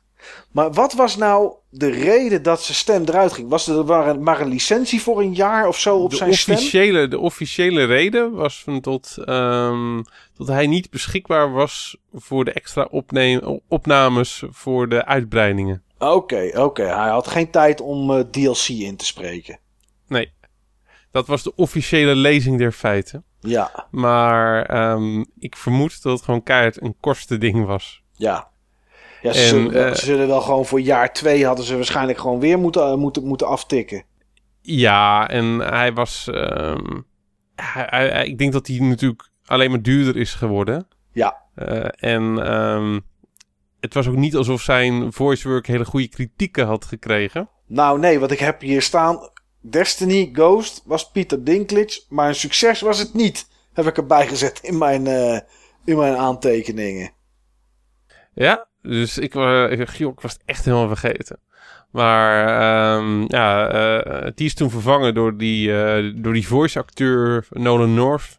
Ja, dat is. Nou, dat zou je bijna een celebrity kunnen noemen. Alleen al door al zijn, door al zijn voice work. Klopt. Want die kerel, die heeft echt een hoop voices gedaan. eh Ja. Nolan North. Ja, en, en Kiefer Sutherland in Metal Gear Solid 5 had ik begin over. Dat was ook niet echt een succes, hè? Want daar kwam Eh, zoveel nee. kritiek op dat het niet de originele Snake was die die, die, die stem had ingesproken. Klopt. Ja, dus het is niet altijd een succes. Dus je zegt wel eens, eh, net Niels van ja, ik heb misschien toch wat dingen gemist. Maar sommige dingen kan je ook gewoon echt wel missen hoor. blij om te horen. Ja, Yo, in een van mijn favoriete games, ehm Darksiders, zit ook een celebrity. oh. Mark Hamill. Oh, Die, eh die voice de stem van de, van de sidekick. oké. Van zeg maar de, ehm de Darksiders versie van, eh, van Navi. Ik weet even Oh. zo snel niet meer hoe dat eh, figuur heet. Die heeft wel meer games gedaan. Want, Ja, natuurlijk al die Batman games. Wou net zeggen, Niels, jij hebt die Batman games volgens mij wel gespeeld. Ja, dat klopt. Ja, en daar is hij de Joker. Daar doet Mark Hamill. Maar jij weet, we- weet je weet wie Mark, Mark Hamill is? Hamill is. Nee. Oh, kijk, ja, daar gaan we. Ja, Dat is Luke Skywalker. ja, echt uit waar. de, Oké. uit de Star Wars reeks, ja. Ja, nee, kijk, ik, in films zie ik heel vaak de eh, karakters voor de typetjes die ze zijn en niet voor de acteur erachter. Nee, nou, dat is ook wel goed, want dan zetten ze het typetje goed neer. Ik bedoel, ehm, ehm, als je eh Nicolas Cage ziet, daar is eh, zeg maar het typetje wat hij in een paar films gespeeld heeft, dat is Nicolas Cage geworden. Want als je nu een film ziet met Nicolas Cage, kan die niks anders spelen dan een, eh, beetje semi-agressief iemand die, die steeds dezelfde standaard gezichtsuitdrukkingen heeft. Dus ja, weet je, het is Ja. wel goed dat jij ze op die manier ziet. Want dat moeten ze ook wel zijn natuurlijk. Maar dat is, eh, ja, Mark Hamill, die, eh, die, die was onder andere de Joker, ja. Ja, maar Mark Hamill die heeft zich op een gegeven moment echt helemaal toegelegd op, ehm, op, op stemacteurrollen. Ja. Hij was ook al de Joker in Batman The Animated Series. Maar die heeft echt veel games gedaan hoor. Ik, ehm, hij heeft ook zeg maar eh, Wing Commander gedaan. Ja, daar zat hij in die, in die cutscenes inderdaad. Daar zat ook eh, James Earl Jones in bijvoorbeeld, volgens mij. Die, eh, Ja, die klopt. acteur. En die, en die deed natuurlijk weer de, de stem van Darth, Darth Vader. Vader. Ja. Ja. Ja. En hij heeft in eh, Gabriel Knight gezeten, zie ik. Oh, Twee delen zelfs. oké. Als een detective. Dus ehm, nee, die heeft echt wel eh, zijn bijdrage geleverd. Ja. Zal ik, zal, ik, zal ik nog eens een, een game die ik, als het maar enige mogelijkheid is om het erbij te halen, er nu ook eens bij halen? Doe dit dat eens. Doe dat eens. Fallout 3. Daar zullen er vast ook wel een paar in zitten. Ja, ehm, als je de game begint, dan ben je een baby en je hebt een vader. En die vader moet je ook zoeken. Dat is het verhaal van die game. En dat is Liam Neeson. Li- Liam Neeson speelt eh, de rol van, eh, van je vader. En de intro, waarin de bekende War. War Never Changes. Dat is ingesproken in de eerste, tweede en derde. En in de vierde volgens mij niet meer. Door Ron Perlman. Twee namen geen- die ik weer niet ken. Oké. Zitten Ah, die Ron- in, eh, in welke films zitten die? Liam Neeson zit bijvoorbeeld eh, Taken. Heb je die films In gezien? Star Wars, The Nee. Phantom Menace, Rob Ja. Roy. Ja. Taken is denk ik... eh Taken, als je op het internet een meme ziet van... eh, eh, I don't know who you are, but I have a particular set of skills. And I will find you. and I will-. And I will kill you. Dat is echt... I don't know who you are, but I will find you and I will kill you. Zoiets. Dat is zo- zo'n meme die de hele tijd, de hele tijd terug over het net ging. Dat is Liam Neeson. En Ron Perlman, die zou je kunnen kennen als zijn rol... ehm, ja, hij zat in ieder geval in de tv-serie Sons of Anarchy. Daar speelde hij Clay. En je zou misschien kunnen kennen Niels van... eh, Hellboy. Heb je die films gezien? Heel toevallig heb ik die ooit gezien in de bioscoop, Nou. ja. Hellboy zelf, dat is Ron Perlman. Ja, en eh, Alien, Resur- Alien Resurrection, daar zat hij ook in. Eh, en Pacific Rim bijvoorbeeld, daar zat, hij, eh, daar zat ook in. Maar die heeft ook een hele hoop games gedaan. Hij zat ook in Halo 3, zie ik. Fleet Admiral Lord Terrence Hood. Dat was, eh, dat was hij. En in SpongeBob SquarePants, oh dat was een film. Dat is niet. dat, is, dat is misschien niet zo, niet, zo, niet zo best. Turok zat hij ook in als stemacteur. In die game. Dat was voordat hij eh, echt bekend was geworden. Ja. Ja, daar zat hij, eh, daar zat hij ook in. Dus dat is wel, eh, dat is wel bekend. En er zat nog een, een bekende acteur in. Tenminste, ik ken hem wel. Maar ik weet niet of je. Nou, Niels zal het zeker niks zeggen. Malcolm McDowell. Ken je die, Steve? Ehm, Als je hem ziet. wel van naam, en ik moet hem even zien. Ja, ja, ja, ja, ja. Ja, Eh, dat is een hele bekende. Die zat echt in zoveel dingen heeft hij gezeten. Die eh, is vooral bekend van zijn Ultraviolence uh, uit A Clockwork Orange. Oh, zat hij daar ook in? Ja, hé. Ja, ik zie het, ja. ja. Maar toen was hij nog jong, denk ik. Toen was hij nog jong, inderdaad, ja. Ja. Toen, toen zong hij nog in de regen. Oh, oké. Heeft hij dat ook gedaan? Nou, heb je, heb je nooit Clockwork Orange gezien? Nee. En ik weet dat dat een enorm schande is. Ja, laat ik zo zeggen. Uh, Singing in the Rain speelt toch wel een, een belangrijke rol in A Clockwork Orange. Oké, net zoals 2001 Space Odyssey heb ik ook nog steeds niet gezien. En dat zijn echt wel klassiekers, ik weet het. Ja, dus... Dan, zou, ik, dan zou ik eerder A Clockwork Orange dan 2001 Space Odyssey aanbevelen. Oké. Okay. 2001 Space Odyssey is gewoon echt extreem traag. Ik moet wel zeggen, veel van die uh, Kubrick-films die zijn ook een beetje gedateerd. Niet allemaal. Ja, dat is wel zo. Ja, Full Metal Jacket, geweldig. Ja, dat is een geweldige film. Ja, ja, zeker weten. Maar uh, Malcolm McDowell was de president, om het even compleet te maken, in Fallout 3. En Ron Perlman, ja, dat was de, is de narrator. Uh, die, ja, dat waren natuurlijk ook wel mooie, mooie namen in, in die game. Heb jij nog een mooie Steef om zo op te gooien? Ik kan het wel Niels vragen, maar voor Niels, Niels hoort allemaal namen die hij nog nooit eerder gehoord heeft, of niet? Vraag maar aan Steef, ja, dat is een beter idee. Ik, uh, ik heb er nog wel een paar hoor. Nou, um, noem er maar eens een, een paar op dan. Een Nederlandse uh, celebrity die ook in een game heeft gezeten. Oh, dat is altijd goed. Het is geen grote celebrity, maar um, er moeten ook zeg maar D-celebrities uh, op dit lijstje staan. Zeker. Ook GTA, GTA 4 om precies te zijn. Oh? Bas Rutte, UFC fighter. Vooral bekend van zelfverdedigingsvideo's op YouTube. Oké. Oh, dat wist dus, ik niet. Um, ja, dus uh, op het moment dat ik ooit in een barfight terechtkom, kom, nou, ik, uh, ik overleef wel. Ja. Dankzij ja. Uh, Bas Rutte. Je moet die filmpjes maar eens bekijken. Okay. Met zijn zelfverdedigingsvideo's. die zijn echt geweldig. Ja, dat is gewoon iemand die ook een, uh, zichzelf speelt in een, in een talkshow in GTA. Ja. net even iets meer aangedikt. En met echt precies hetzelfde soort catchphrases. En Bas Rutte is eigenlijk gewoon een soort van levend GTA-figuur. Oké, okay, grappig. Ja, geweldig. Echt geweldig. Ik zit te denken of ik nog meer bekende Nederlanders ken in games, maar ik zou het niet weten. Zijn er misschien nee, maar dat moet je als je, als je één ding moet doen, uh, als je één ding moet doen, uh, Mike, na deze aflevering, even zeg maar wat Bas Rutte Street Defense video's kijken. Oké, okay, dat ga ik zeker doen. Wat zei jij? Hilarisch. Dat er misschien wel Nederlandse celebrities zijn die een game verdienen. Nou, ik zou, ik zou er geen één weten. Ja, oké, okay. ik heb, weet er één. Ja? Ik weet één celebrity die ik graag in een game zou willen zien.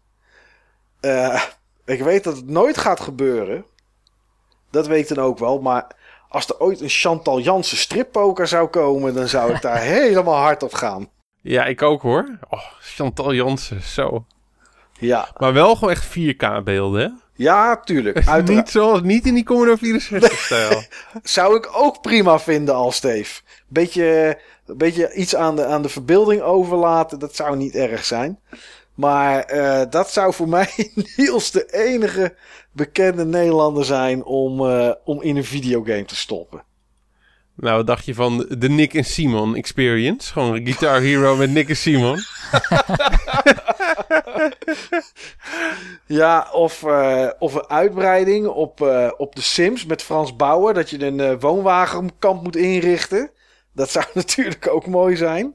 Of, uh, of hoe heet hij ook alweer? Die, um, die modeontwerper. Volgens mij is het een modeontwerper. Die zeg maar zo, van die pannetjes met, um, met, uh, met lucht. Uh, nee, die pannetjes wasverzachter opzet. Roy Donders. Oh, een soort cooking mama, maar dan met Roy Donders. Dat je worstenbroodjes moet maken en moet verkopen. Dat zou... Dat zou, dat zou hilarisch zijn. Ja, dat zou ook... en Heb, dan- heb je, die, heb je die, eh, die uitzending gezien van Roy Donders... dat hij een pannetje wasverzachter op het vuur zet? ik, kan je, Dan gaat het je huis lekker roken, ruiken. ja, ik kan je vertellen dat eh, hier in huis is dat ook geprobeerd. Oh, daar hè? hebben we het al, daar hebben we het al eens over gehad. In onze 75 eh tellen. maar dat is zwaar kankerverwekkend. Ja, dat is helemaal niet goed voor je. dat is super giftig. Er zitten echt stoffen in die je niet wil inademen gewoon. Ja, dat klopt inderdaad, ja. Ja, dat is... eh, ja, net zoals zo, bij... er zijn zoveel games met slaps, joh. Ja, eh, dat, dat, dat is ook zo. Maar of ze nou ook echt allemaal goed waren... Het is, eh, ik denk Sommige dat... waren echt wel verrassend goed, hoor. Wat dacht je van die Buffy the Vampire games op de Xbox? Die heb ik nooit gespeeld. Die zijn echt goed. Ja, Dat zijn echt leuke beat'em-ups. Maar de- die serie was ook leuk volgens mij. De eerste, Ja. Ik geloof niet alle seizoenen of zo. En er was ook een spin-off van, toch? Dark Angel of zo? Angel. Angel. En daar zijn volgens mij ook games van gekomen. Zou goed kunnen. Ja. Dat zou eh, heel goed kunnen. Ik vind dat Jort Sarah, Kelder een Sarah game verdient. Michelle, eh, Michelle eh, Geller. Oh. Sorry, wat zei je Niels? Ik vind dat Jort Kelder een game verdient. Wat dan? Een soort, Absoluut. een soort tycoon-achtige game. Met geld verdienen. Ja, bijvoorbeeld. Nou ja, het, het, het gekke is dat hij heeft indirect bijna te maken gehad met een game. Want ik ben eh, in 2010 een keer bij zijn baas op bezoek geweest. Maarten van de Bigelaar, dat is de baas van de quote. Of dat was de baas. En toen was hij nog de hoofdredacteur. En volgens mij heeft hij de quote overgenomen. Maar dat weet ik niet helemaal zeker. Weet ik ook niet. Maar dat ging Hij was hoofdredacteur in ieder geval, dat weet ik wel zeker. Ja, Ja. ja. Maar dat ging toen ook over games. Dat was toen nog heel even een, eh, een, een, ja, een sector, zeg maar, waar die, eh, die baas van hem misschien in wilde gaan investeren. Oké. Oh, toen, dat zag ik, wel, eh, toen zag ik eh, daar een eh, fotolijstje staan met Jort Kelder. En eh, toen zei ik van, eh, van eh, want via een andere collega van mij hebben we altijd het plan gehad om een keer whisky met Jort Kelder te gaan drinken.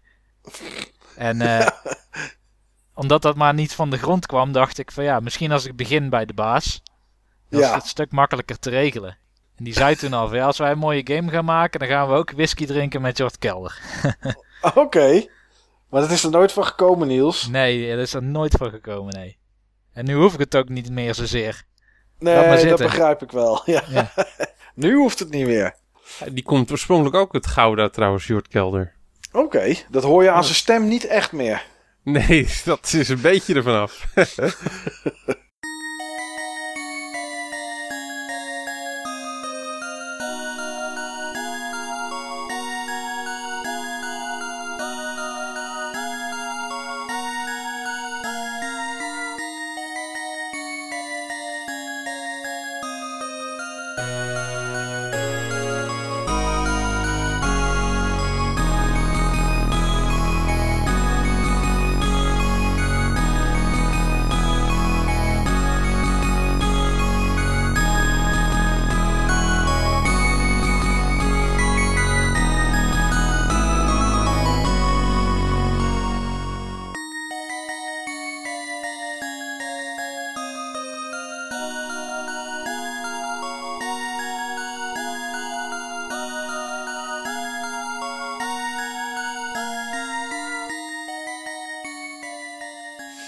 Nou, dat zijn even zo wat celebrities waar wij eh, over na hebben gedacht. En er zijn er nog veel meer. Eh, Snoop Dogg, eh, Samuel L. Jackson.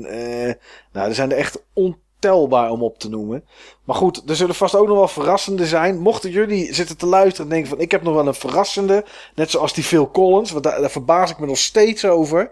Of David Hasselhoff in Red Alert 3. Dat is ook, eh, ja, ook echt bizar. Eh, laat, ja, laat het ons weten. Dat vinden we altijd, eh, altijd leuk. Dat mag in de comments onder Soundcloud. Dat mag op het Buttonbashers forum. mag op Facebook, waar je maar wil. Laat iets horen, laat iets achter. Altijd, altijd leuk. Nou ja, wij gaan ons opmaken voor de laatste 25 afleveringen die we nog te doen hebben voordat we de 100 aantikken, jongens. Dat is wel iets moois om naartoe te werken, moet ik zeggen. En nou, dat gaan we eerst maar eens doen met aflevering 76. Eh, dat zal eh, ongetwijfeld de volgende zijn, denk ik zo. Maar dat is een pure gok. En eh, nou ja, we hopen in ieder geval dat iedereen die nu geluisterd heeft, dan weer luistert. En in ieder geval bedankt in ieder geval voor de tijd die we nu van jullie hebben in mogen nemen. En tot de volgende keer.